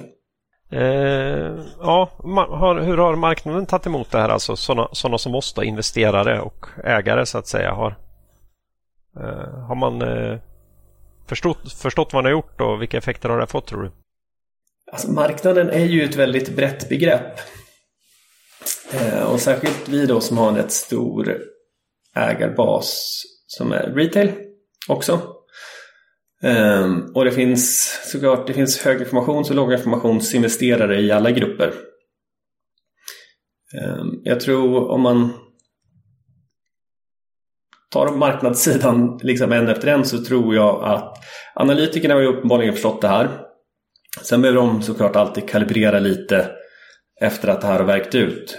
Um, I Q1 till exempel hade vi lite lägre kapitalisering än vad vi hade i Q4. Bara för att det fanns lite rester kvar som behövde verkas ut och sen finns det ju alltid en naturlig volatilitet i det här också hur mycket vi kapitaliserar beroende lite grann på ja, nedlagd tid och om vi har använt extern utveckling eller inte och etc. Ehm, men de har ju uppenbarligen förstått det här. Jag tror att de uppskattar det. Jag tycker höginformationsväljare inom alla skrån ehm, uppskattar förändringen och har förstått den och tycker jag har inte fått någon negativ kritik för den förändringen utan snarare tror jag att de flesta som har nämnt det tycker att det är rätt, en rätt bra förändring. Men sen är det klart, sen finns det eh, lite mer låginformationsinvesterare eh, som kanske inte läser alla rapporter lika noggrant. Eh, och ibland också rubrikmakare som inte eh, har läst alla rapporter så noggrant. Som då ser year of year effekten och tycker att det ser läskigt ut att, att ebit förändras. Eh, så att jag tycker ändå på det stora hela så har det ändå mottagits positivt. Och jag tror alla förstår ungefär anledningen och att det är långsiktigt en rätt så bra förändring. Nej, våra lyssnare vet ju att vi är inte några fans av aktiverade kostnader. Vi tycker man man ska ta sina kostnader om man nu är till exempel en spelutvecklare och det är det man gör. Då är det ju nära den dagliga verksamheten naturligtvis att utveckla nya spel. Då. Så vi, vi, tycker det här är, vi tycker det här är toppen. Är eh, men, men sånt här påverkar det som du sa att eh, ni hade liksom innan den här förändringen så hade ni olika team som jobbar på olika sätt. Har, hur har det här påverkat hur ni jobbar? Alltså lägger ni ner spel tidigare nu helt enkelt eller eh, är det så att vissa spel får mer chanser än vad de skulle ha fått innan? Eh, vi lägger ner mer spel än vad vi gjort förut. Och det är ju hela syftet att ge oss själva chansen att resursallokera på de spel som har bäst chans till framgång. Eh, på vissa sätt så känner jag att liksom då vi beskriver det här så är det nästan som att vi beskriver att vi sköt från höften förut och det gjorde vi verkligen inte. Eh, men vi, vi, hade, vi tog ändå spelen till marknaden och det har flera skäl men delvis historiska skäl att det är så vi har arbetat och det är så vår process ser ut. Vi har en relativt sett låg kostnadsbild vilket gör att vi kan iterera på spel kostnadseffektivt med rätt många, eller har rätt många team igång samtidigt. Men för att resursallokera på de spel som faktiskt har bäst chans till framgång så vill vi ha färre spel som går till full global lansering. Och då är det inte bara att ha ett spelteam utan som jag var inne på tidigare just att, att publicera ett spel ingen, liksom, det krävs också eh, energi och tankemöda och kraft. Bland annat från marknadsföringsteamet till exempel. Eh, inte bara user acquisition utan de har också andra delar där det kommer till eh, ja, men App Store-optimering, vilket är motsvarigheten till sökordsoptimering fast för App Stores eh, och andra delar i den här kedjan. Och det är klart, ju fler spel vi har igång så måste alla team vara större. Och till slut så liksom blir det inte effektivt att driva en, driva en organisation så. Jag tycker att det sätt vi jobbar på har tjänat oss väl och liksom, vi har gjort bra ifrån oss på det. Jag menar, Jules of Rome, Jules of the Wild West, Sherlock etc. har ju kommit från det sätt vi arbetar förut och vi testar även spelen då. Skillnaden är bara att nu vill vi verka igenom det här så de som faktiskt går till global lansering det är verkligen de som har bäst chans att bli stora spel och att vi då ska kunna ge dem ja, men den energi och uppmärksamhet som de förtjänar. Nej, för om man, om man nu säger, nu är det jag som påstår något här då. Eh, att det jag, det jag känner med det här är väl att eh, i och med att ni allokerar om era resurser snabbare så borde ju cykeln för att hitta en ny hit eller en medium hit eller vad man ska säga som verkligen som verkligen biter där ute. Den cykeln borde bli lite, lite kortare. I teorin. Sen gäller det att ha tur också i er bransch till värme. Exakt. Eh, sen, den blir lite kortare. Sen är det ändå många steg som ska gås igenom och vissa steg tar tid. Ty, alltså, även en, en tidig soft, en mjuklanseringstest. Ja, du ska få ut det till marknaden, du ska få in en publik, du ska ändå se hur de reagerar. Även om det är ja, det som kallas one day retention. Hur många, hur många spelar faktiskt spelet första dagen? Eller sju dagar? Ja, men ska du ha sju dagars retention då måste du vänta sju dagar. Och de här ledtiderna kom du inte undan så att du får lite snabbare turnaround men ingen väsensskild skillnad. Vi har kunnat dra ner lite på personalen för att vi gör, har mindre content att bearbeta i spelen. Och det är ju fördelaktigt för om man inser att eh, ja, men vi vill tweaka storyline eller vill göra om någonting. Ja, men då har du inte massa content som du måste göra följdändringar på. Så att det finns absolut tidsvinster men det är inte så att vi går från att liksom rotera ut ett nytt spel eller rotera om teamet och få ut ett nytt spel på 50% tiden utan vi kanske tjänar tid 20%. Eh, men det ska inte underskattas det heller.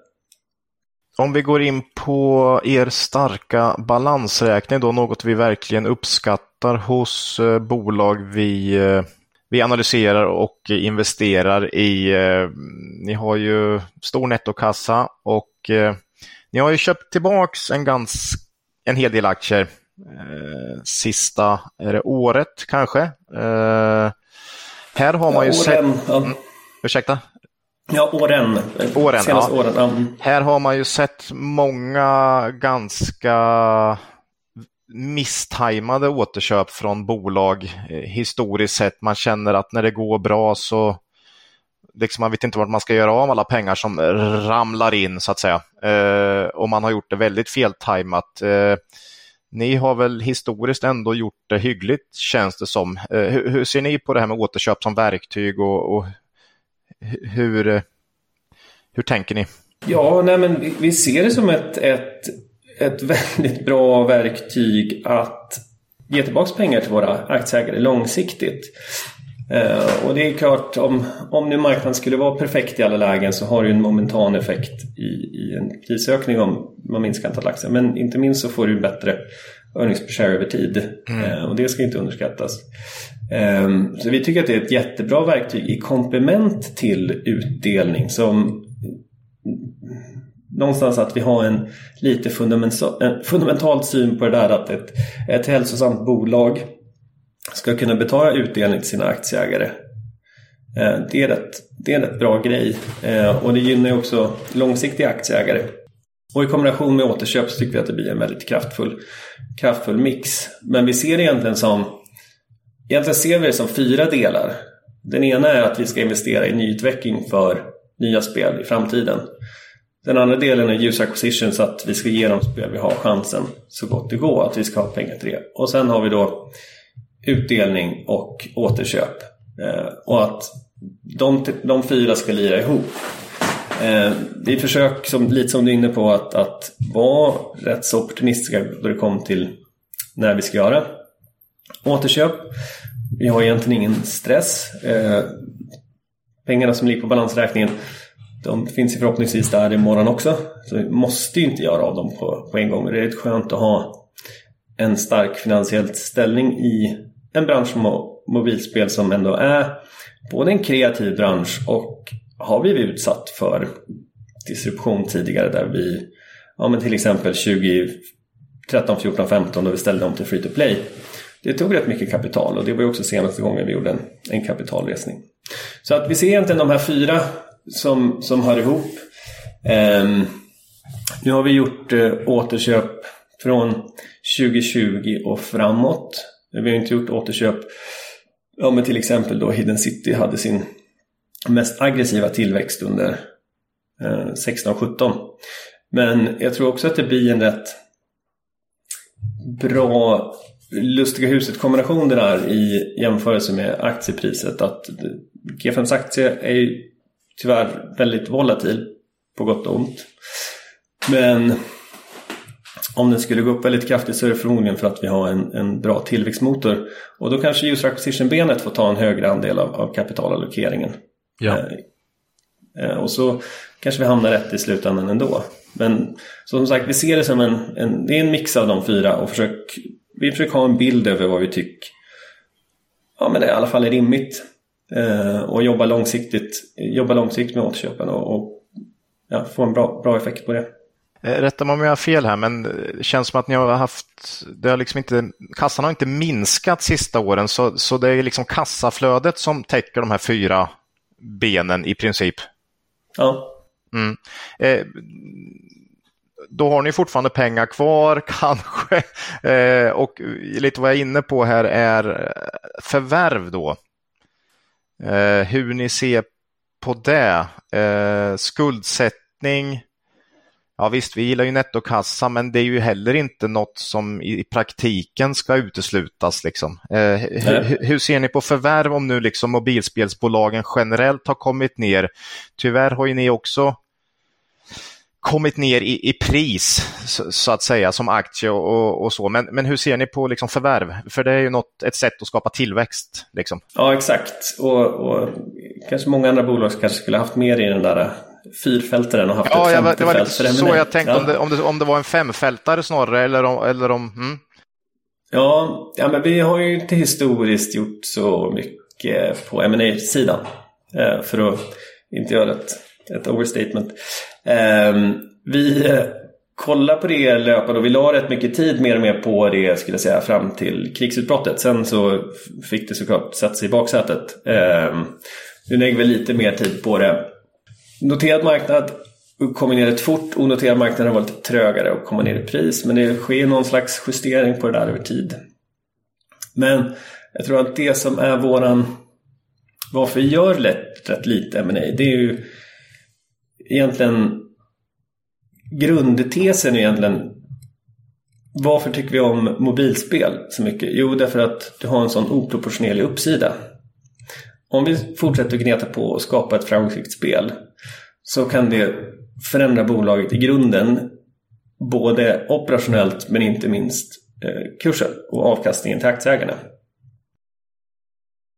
M&A så har du oftast inte riktigt samma oproportionerliga uppsida. Nej. För att köper du ett spel eller ett bolag som har väldigt stark tillväxt då får du oftast betala för det. Och du vet inte hur lång den där tillväxten ser ut. Och för att samla på dig tillräckligt kunskap, ja, det är klart att du kan gå in och göra en väldigt noggrann DD på, på deras både utveckling och, och, och marknadsföringssida. Men du har fortfarande lite begränsad. Det blir en annan typ av uppsida. Eh, och på äldre spel som då kanske har mm, passerat sin peak eh, så har du ju också lägre uppsida någonstans. Eh, så att jämfört med egen utveckling eller licensiering för den delen så är ju ett litet annat djur än Ja, M&A är ett lite annat djur.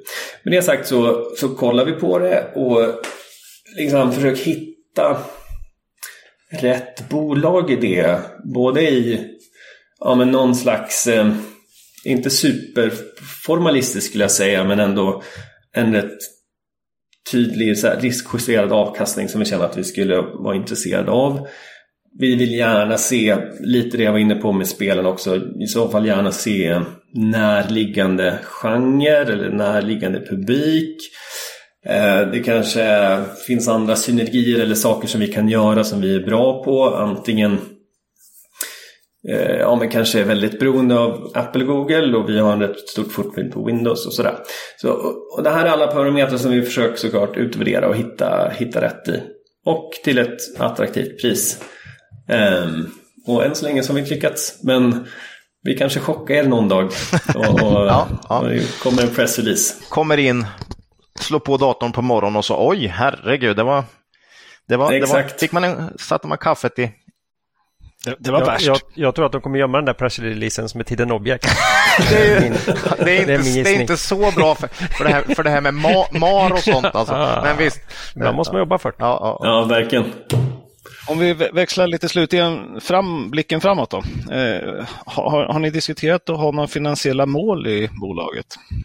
Ja, lite, men inte sådär jättedetaljerat skulle jag säga. Om jag ska vara rakt på sak. Eh, och, och, det går väl egentligen tillbaks till eh, just det jag pratade om innan. Att du har en oproportionerlig uppsida. Så lyckas du så, så du kommer att få jaga de där finansiella målen åt ett håll eller ett annat. Det, det, det tenderar ju tyvärr att vara en ryckig bransch.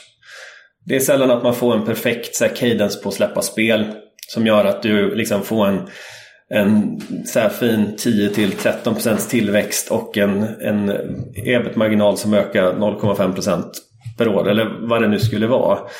Eh, sen är det klart man kan sätta mål men helst sådär, hur ska jag... Mm.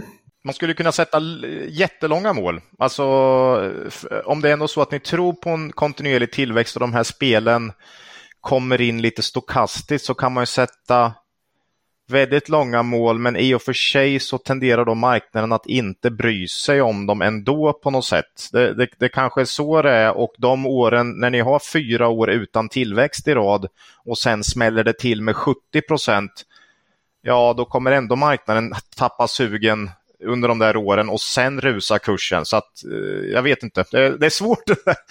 ja, jag tror också att det, det är svårt. Och liksom, om man då tittar på senaste åren till exempel. Hidden City har tappat väldigt mycket men vi har haft väldigt bra tillväxt i egna spel. Och sen har vi också haft mycket valuta på sistone ska man ju också säga. Mm. Eh, som har påverkat. Men även om man skulle Ja, man skulle kunna USD är vår huvudvaluta. Man skulle kunna sätta det i relation till något sånt. Men så kunde vi förut, liksom skulle man ha förutsatt att så här, topline skulle vara mer eller mindre flat men att vi skulle ha mycket bättre bruttomarginal och ha visat väldigt fin lönsamhetsutveckling? Nej, kanske inte nödvändigtvis. Man skulle kanske ha sett att ebiten kom från, från topline-tillväxt istället.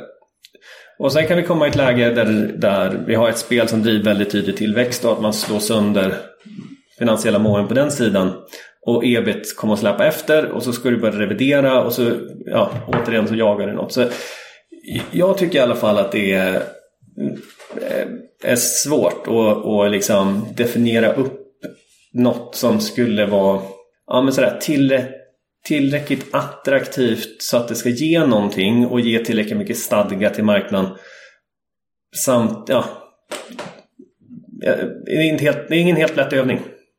Sen har vi såklart egna målbilder över var vi vill komma och hur vi ska nå dit. Men liksom, där jobbar vi också med scenarioanalys och scenarioanalys är kanske inte något som marknaden alltid nödvändigtvis liksom skulle uppskatta att vi börjar fabulera om i någon, i någon rapport.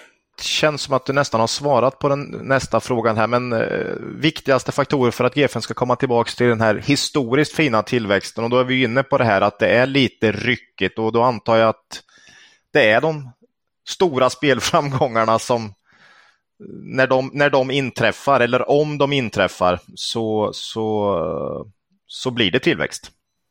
Ja, det tycker jag är, vi är i ett lite annat läge än vad vi har varit de senaste åren, eller egentligen sedan jag började på G5.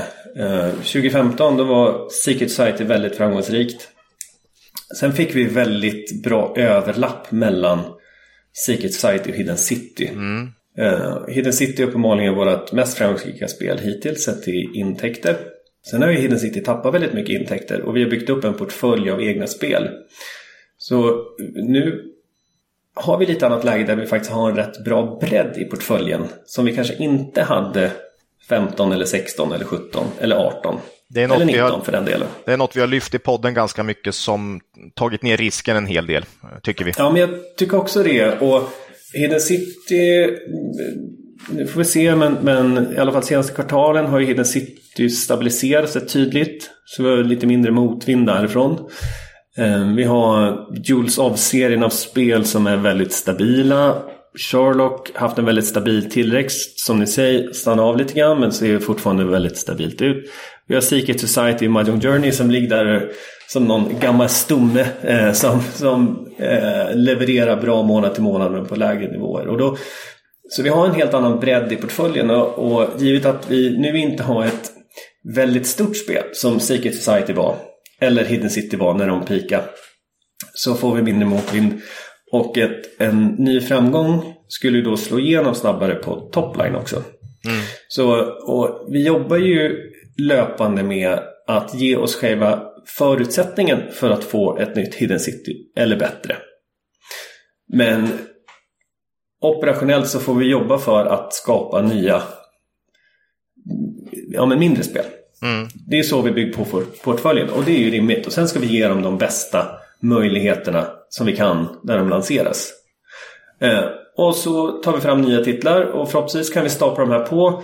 Komma tillbaks till en, någon slags eh, god underliggande tillväxt och vänta på en, en, en, mer transformativt spel. Förhoppningsvis tidigare än senare. Men jag tror att det är så man måste, så måste vi jobba. Att, att liksom vi har de tiden vi har. Vi vill uppnå X varje år i, i någon slags nylansering och att något ska bli tillräckligt bra. Du kan inte hoppas på de här superframgångarna. Men när de kommer så är de ju såklart väldigt välkomna.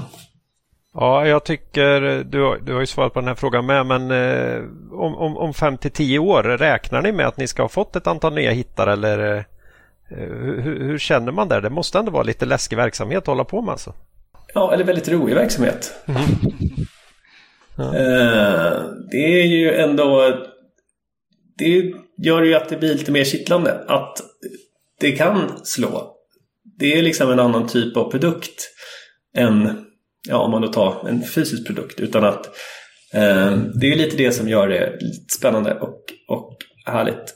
Och sen får man ju, sen är det ju klart att varje dag är inte en fest på G5 heller. Och, och, eh, utan det är ju att gneta på som, som gäller. Eh, men vi tycker att vi är i ett väldigt bra läge som bolag. Vi har en stor och stabil eh, bas av anställda som faktiskt levererar på befintliga spel och nya spel och vi kan finansiera det och user acquisition. Och vi vet att vi har en skalbar affärsmodell i en tillväxtmarknad. Så att så länge vi kan lägga på några spel på det här som börjar leverera lite topline-tillväxt nu då vi har blivit av med största delen av motvinden och så jobbar vi för att skaka fram de där riktiga hittarna också. Um, och så kanske lite marknadstillväxt på det också så småningom. Uh. Exakt. Och så kommer vi komma tillbaka till någon underliggande marknadstillväxt. Lägre än vad vi har sett förut men i alla fall så, så underlättar det att, att man har den i ryggen. Uh, och då, ja men det är ju det är spännande. Det är roligt, liksom, det är roligt att vi släpper nya spel. Ibland är det roligare än andra gånger men att sitta liksom och uppdatera den där lilla liksom, filen och se hur gick det igår? Hur går det nu? Eh, hur bra kan det här bli? Det är ju väldigt roligt och ja, det gör det. Det är lite extra krydda åt, åt, åt, åt det. När, när du får frågan varför man ska investera i G5, vad brukar du svara då? Ja, men egentligen så, ja, egentligen vad jag sa tidigare. Alltså, vi är ju ett väldigt stabilt bolag i en tillväxtbransch ändå. Vi har kapacitet att ja, men behålla en rätt så stor personalstyrka om man ser till andra som kan faktiskt göra nya spel, ta hand om befintliga. Att vi kan investera framtid samtidigt som vi har en stabilitet i grunden och ge tillbaka pengar till aktieägare är ju ett del i beviset för att det är ett stabilt bolag.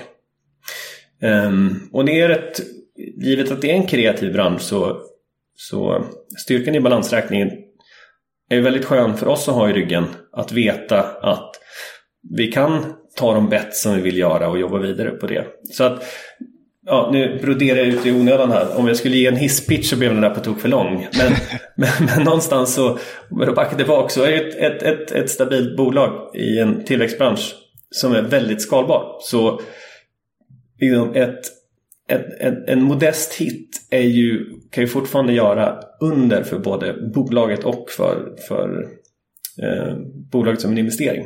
Eh, största riskerna då? Det, man kanske inte kände att krigsutbrott skulle vara eh, up there liksom eh, för ett par år sedan. Men vilket också visar det med pandemin, många som alltså det är svårt att veta vilken som är den här svarta svanen som man liksom inte riktigt har på sin risk, i sin riskmatris så att säga. Men, men eh, vad ser du som, som de största riskerna för, för G5 Ja, det var ju, vi var ju lyckligtvis i en, en bransch som påverkades positivt av pandemin. Så ja. det, är inte en, det blev ju...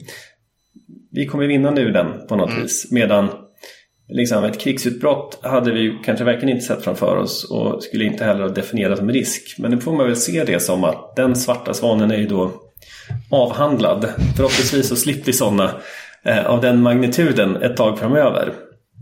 Mm. Men sen är det ju ändå så att det är en kreativ bransch. Du måste lyckas med dina spel. Det är ju egentligen, du kan inte... Ja, du må, de måste komma ut och de måste bli tillräckligt bra. Det är ju egentligen den enkla matematiken i det här och det är ju egentligen också den största risken. Fördelen då, som vi ser det, det är ju att vi har gett oss själv för förutsättningarna för att kunna ta rätt många bets på att faktiskt lyckas i framtiden. Men de måste ju materialiseras också, annars så blir det inget gavet.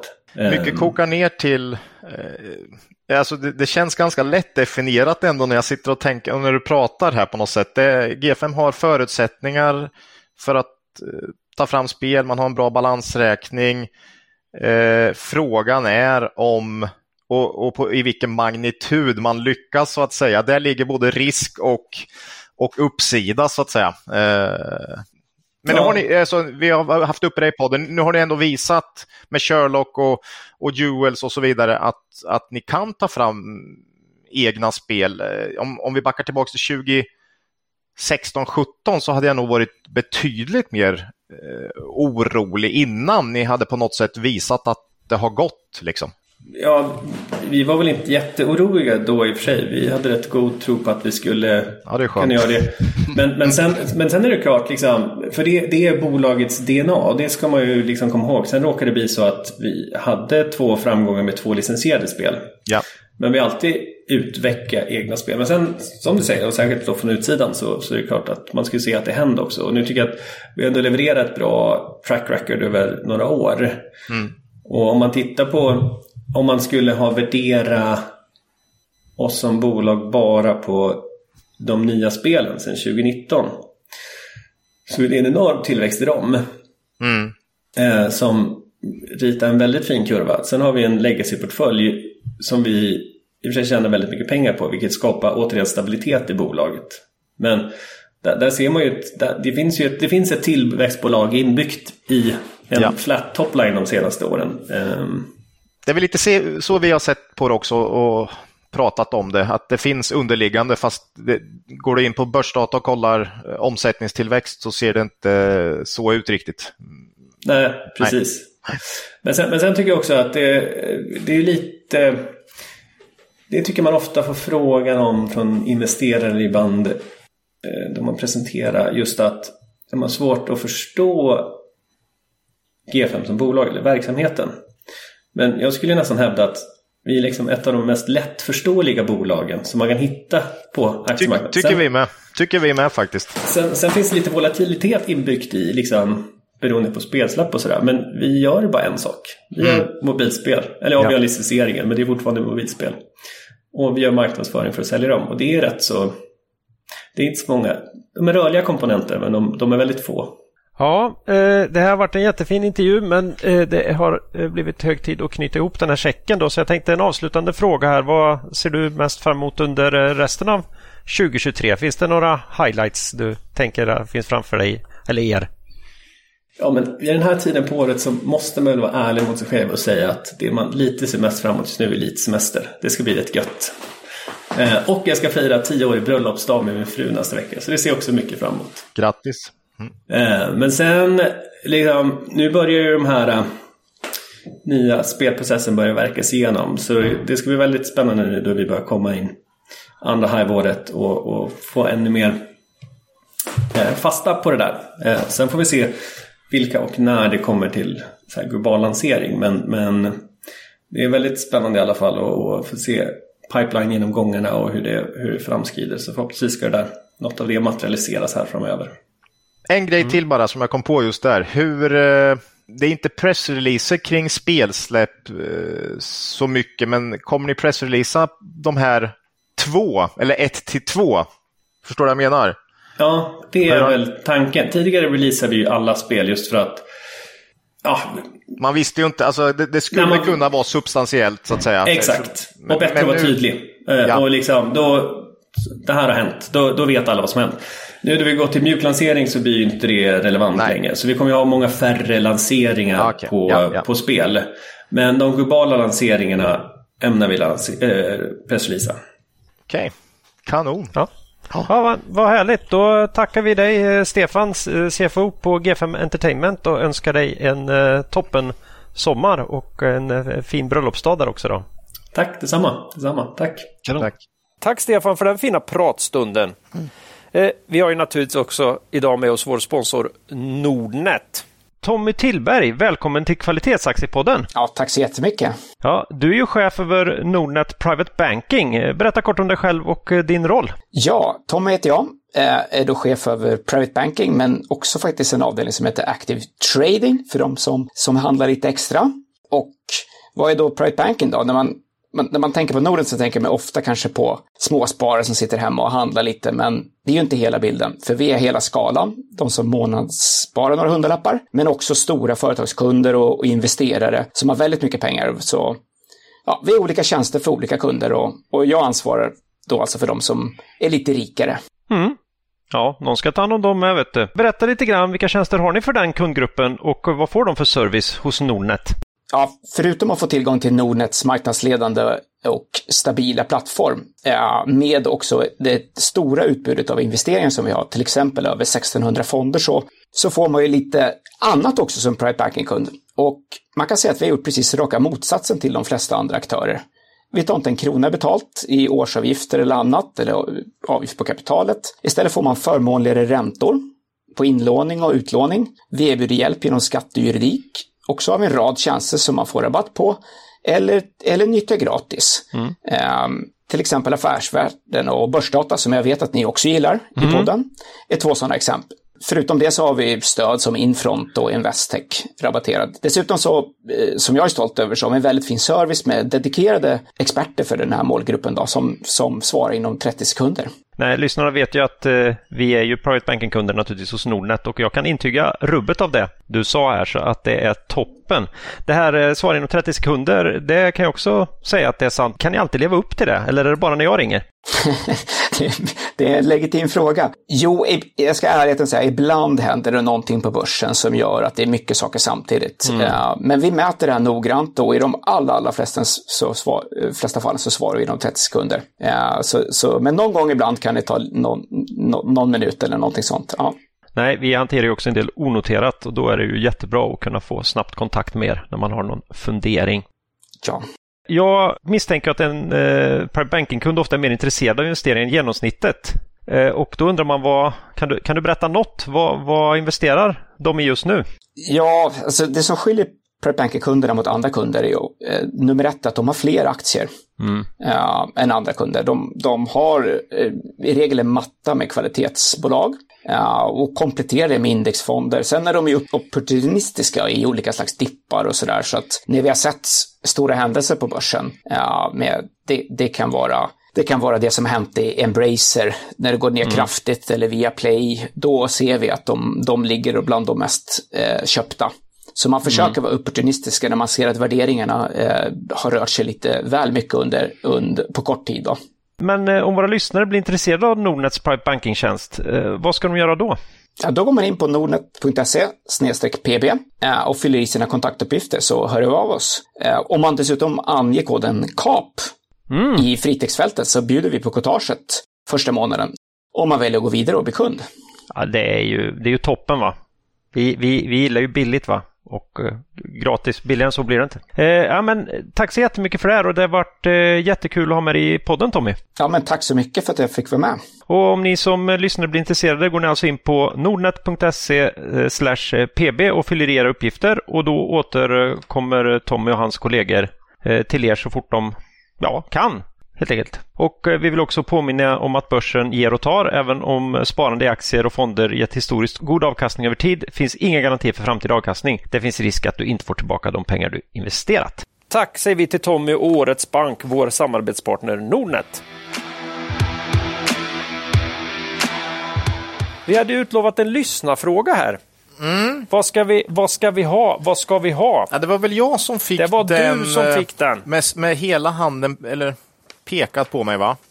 ja, den här är då eh, lite bred, så lite stor. Hur ser ert dagliga arbete ut när det gäller att identifiera, analysera och fatta beslut om olika investeringar, både på ett individuellt och gemensamt plan? Här vill vi först och främst säga att vi, är ju ett, vi jobbar ju på ett eh, företag som, vi, där vi är delägare i. Alla tre ju. Så Ja. det, det är inte så att vi sitter och räknar var för sig här, utan det, det är ju ett företag som vi jobbar i och investerar ifrån här. Eh, och vi har ju som sagt en lista på 50 till 100 bolag som vi liksom eh, successivt följer vid varje tillfälle kan man säga. Eh, De kan ju ändras lite över tid, men eh, vi har ju koll på en hel del bolag vid varje givet tillfälle kan man säga. Ibland är det lite väl svårt att släppa, men Mm. Det är en bit över 100 i Excelen och sen finns Ja. det väl kanske lite olika grad av hur nära vi följer dem. Ja, Så. och vissa perioder så är det för dyrt, kanske då släpper vi lite bevakningen eller vi har tappat lite förtroende eller eh, ja, så. Vi, vi tror ändå det är bra att ha så pass många för att vi, vi rankar dem ju. Så att helt plötsligt i ett ras så dyker det upp något som man Ja. inte trodde. Precis. Ja. Det blir intressant. Och det här är ju något som funkar för oss. Mm. Det, när vi svarar på den här frågan så vi fick ju frågan om hur vi jobbar här. Mm, det här är alltså inte en rekommendation till hur du som privatperson med heltidsarbete Nej. och Jag snoriga dock- ungar vid sidan av ska Jag lägga upp hoppas ditt att liv. frågan är lite på ett nyfiket plan. Ja. Mer bara. Det skulle vara kul att höra lite hur ni... Så ska man tillämpa det i sitt eget liv får man ju ha en aningen lägre ambition. Ja, vi jobbar ju tre heltid då. Mm. Eh, vi har väl del, lite informellt delat upp ansvaret med bolagen här mellan oss. Det finns ju liksom en fördel tycker vi att man är lite mer inläst på ett, att man kan ta den då.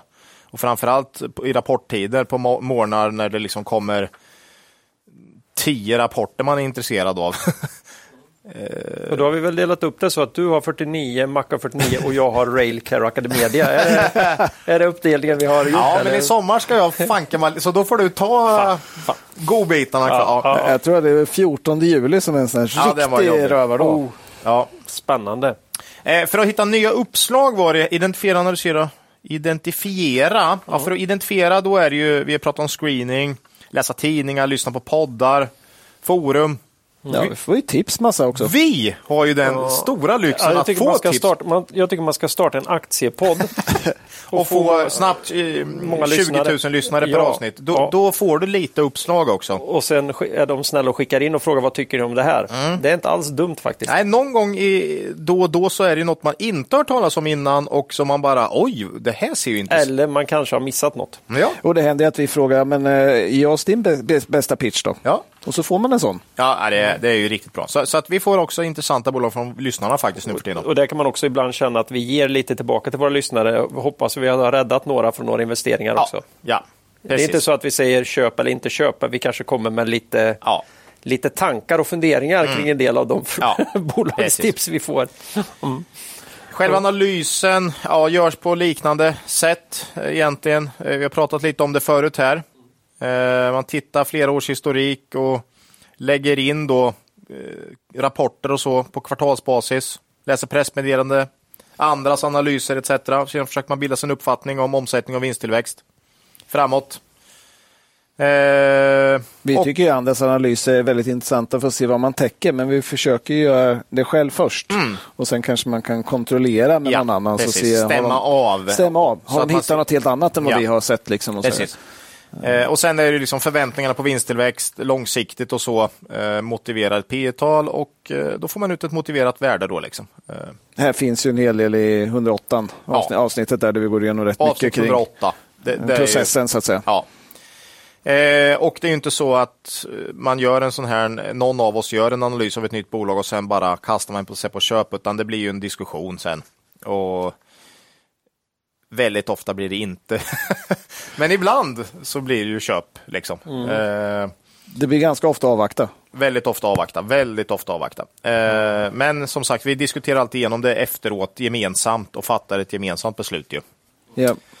Eh, och vi har som sagt, jag hoppas att alla förstår att vi har ganska lika syn på investeringar. Alla tre. Ja, det borde ha framgått. Eh, sen är det väldigt bra att få in lite olika perspektiv. Det är lätt att lura sig själv på något sätt. Så det är, vi känner att det är väldigt viktigt att vi är fler för att bolla, någon som kan slå hål på lite grejer och så.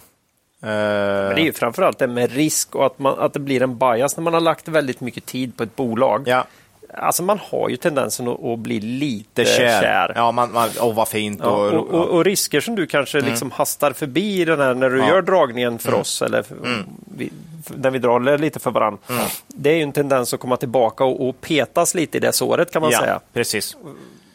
Och, Och inte så lite heller. Men väldigt ofta är det väl så att den som har gjort analysen ändå när man berättar om det här redan då har samma uppfattning som de andra. Ja. Det är liksom, det blir ganska tydligt. Liksom, det är för dyrt, det är för osäkert. Eh, Jag- jag historiken är för svag. Eller, Jag tycker vi har en fördel till. Det är att jobbet blir inte helt i onödan, än, även om man inte köper något, för vi kan ta det i podden istället. Ja, och liksom det här har vi tittat på. För och nackdelar, vad skulle krävas för att vi ska bli, eller lite så va? Det är lite grann där som vi pratade om med Kristoffers bok, där med att man har lagt ner så mycket tid på, Ja. på sin analys, så nu måste man ju nästan köpa något, för annars är det ju bortkastat. Sen, sen är det ju faktiskt så att man gör ju, det händer ju att man har gjort en analys och sen har det inte blivit något och sen två och ett halvt år senare köper man den aktien. Och då har du faktiskt haft koll på den då. Ja. Så att det är och också en sparar ju fördel. otroligt mycket tid. Om det är så här att vi hamnar i en, i en sättning här, börsen rasar plötsligt 20 procent Mm. i en pandemi, då har ju vi otroligt, my- ju otroligt mycket snabbare på banan i Bahnhof. Även om vi inte har brytt oss jättemycket de senaste två åren för det har varit för dyrt. Då har vi ändå kanske redan Just Bahnhof har vi ändå följt. Men, Jo, visst, men jag tog som... Ja, ja. Då hade vi redan haft det datat. Ja. Och då hade vi haft väldigt kort tid att komplettera upp de två åren vi saknar och sen ja. kanske vi hinner, hinner få- en liten position innan Ja. marknaden ändrar sig igen. Då. Och, och sen lär man sig om andra bolag. Jag menar om man, om man läser på om Bredband2 snappar upp någonting om Bahnhof Ja. och så vidare, så konkurren, konkurrenter är rätt bra att titta på. Ja. Eh, sådär. Så Ja, alla analyser behöver ju inte sluta med att man köper. Ja, precis. Eh, Jag var ju, satt ju ensam under några år och det, det, blir, li, det blir sämre. Eh, Dels för att man inte kan bolla med någon. Sen har du den sociala aspekten såklart. Att det är roligare att jobba med andra. Eh, och sen tror vi podden har positiv inverkan för att vi måste tänka till lite extra. Eh, Det har vi ju känt många gånger att det är ju liksom lätt att lura sig själv. Eh, halvlätt att lura några kompisar. Men jäkligt svårt att 20 000 lyssnar och ingen ska Call your bluff. call your bluff. Liksom. Eh, så att eh, då måste man ha tänkt till. Och det, vi säger ju såklart inte att vi alltid har rätt. Eller Absolut. Nej, det kan vi, aldrig ha. Vi är väldigt tydliga med att det är uppskattningar och, och men, liksom grundtanken i caset eh, att, att den ändå är rimlig. För det vill man ju gärna slå hål på om man har fel där, för då är det ju illa. Och så vill man gärna kolla upp lite fakta och sånt. Man vill inte Ja. få en, en, en mailstorm med, med saker som Nej. är fel. Så att säga. Nej, precis. precis. Så det är en liten fördel. Gärna fel på hur man uttalar liksom eh, eh, europris. Den är okej, men inte att europris då har hållit på med oegentligheter. Det, sånt vill man ju inte ha missat på. Ja, man missar massa i fakta och sånt. det är Nej, lite tråkigt. fakta vill man inte missa på. Uttal, okej.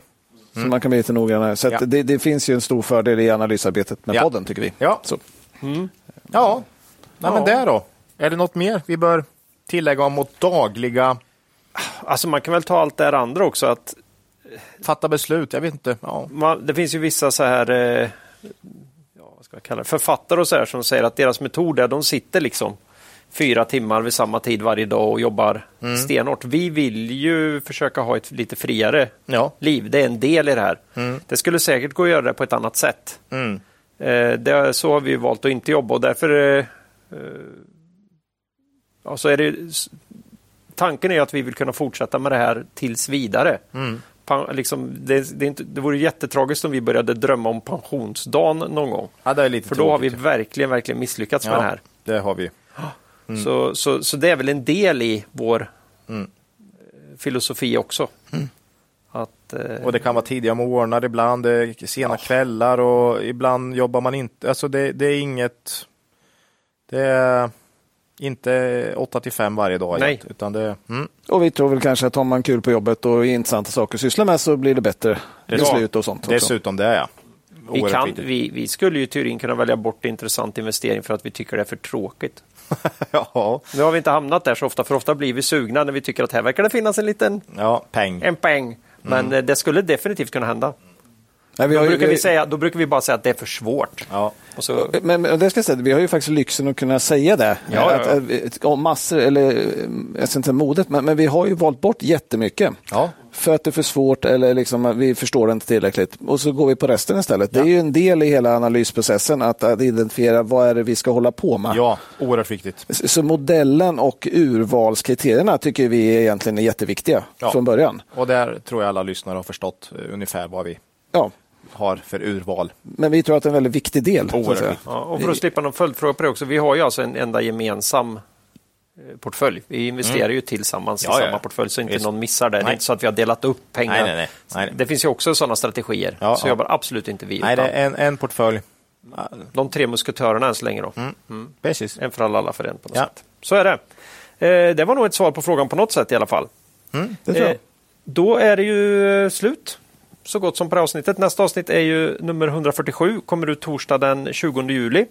Då blir det ett intervjuavsnitt med ännu ett spännande kvalitetsbolag. Och kanske ännu en intressant lyssnarfråga. Va? Mm. Mm.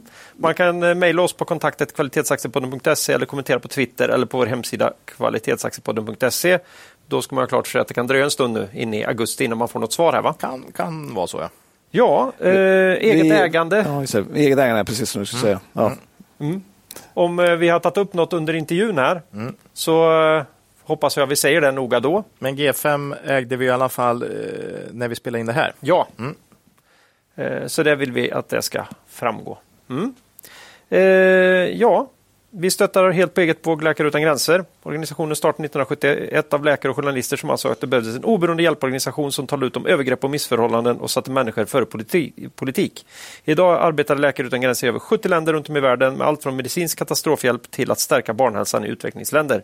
Läs mer på läkareutangränser.se. Där kan du också se vad du kan göra för att stötta denna viktiga verksamhet. Ja, med detta vill vi tacka alla lyssnare för denna gång och ber er komma ihåg att det är först när tidvattnet drar sig tillbaka som du får se vem som badat naken. Lose money for the firm and I will be understanding. Lose a shred of reputation for the firm and I will be ruthless. I welcome your questions.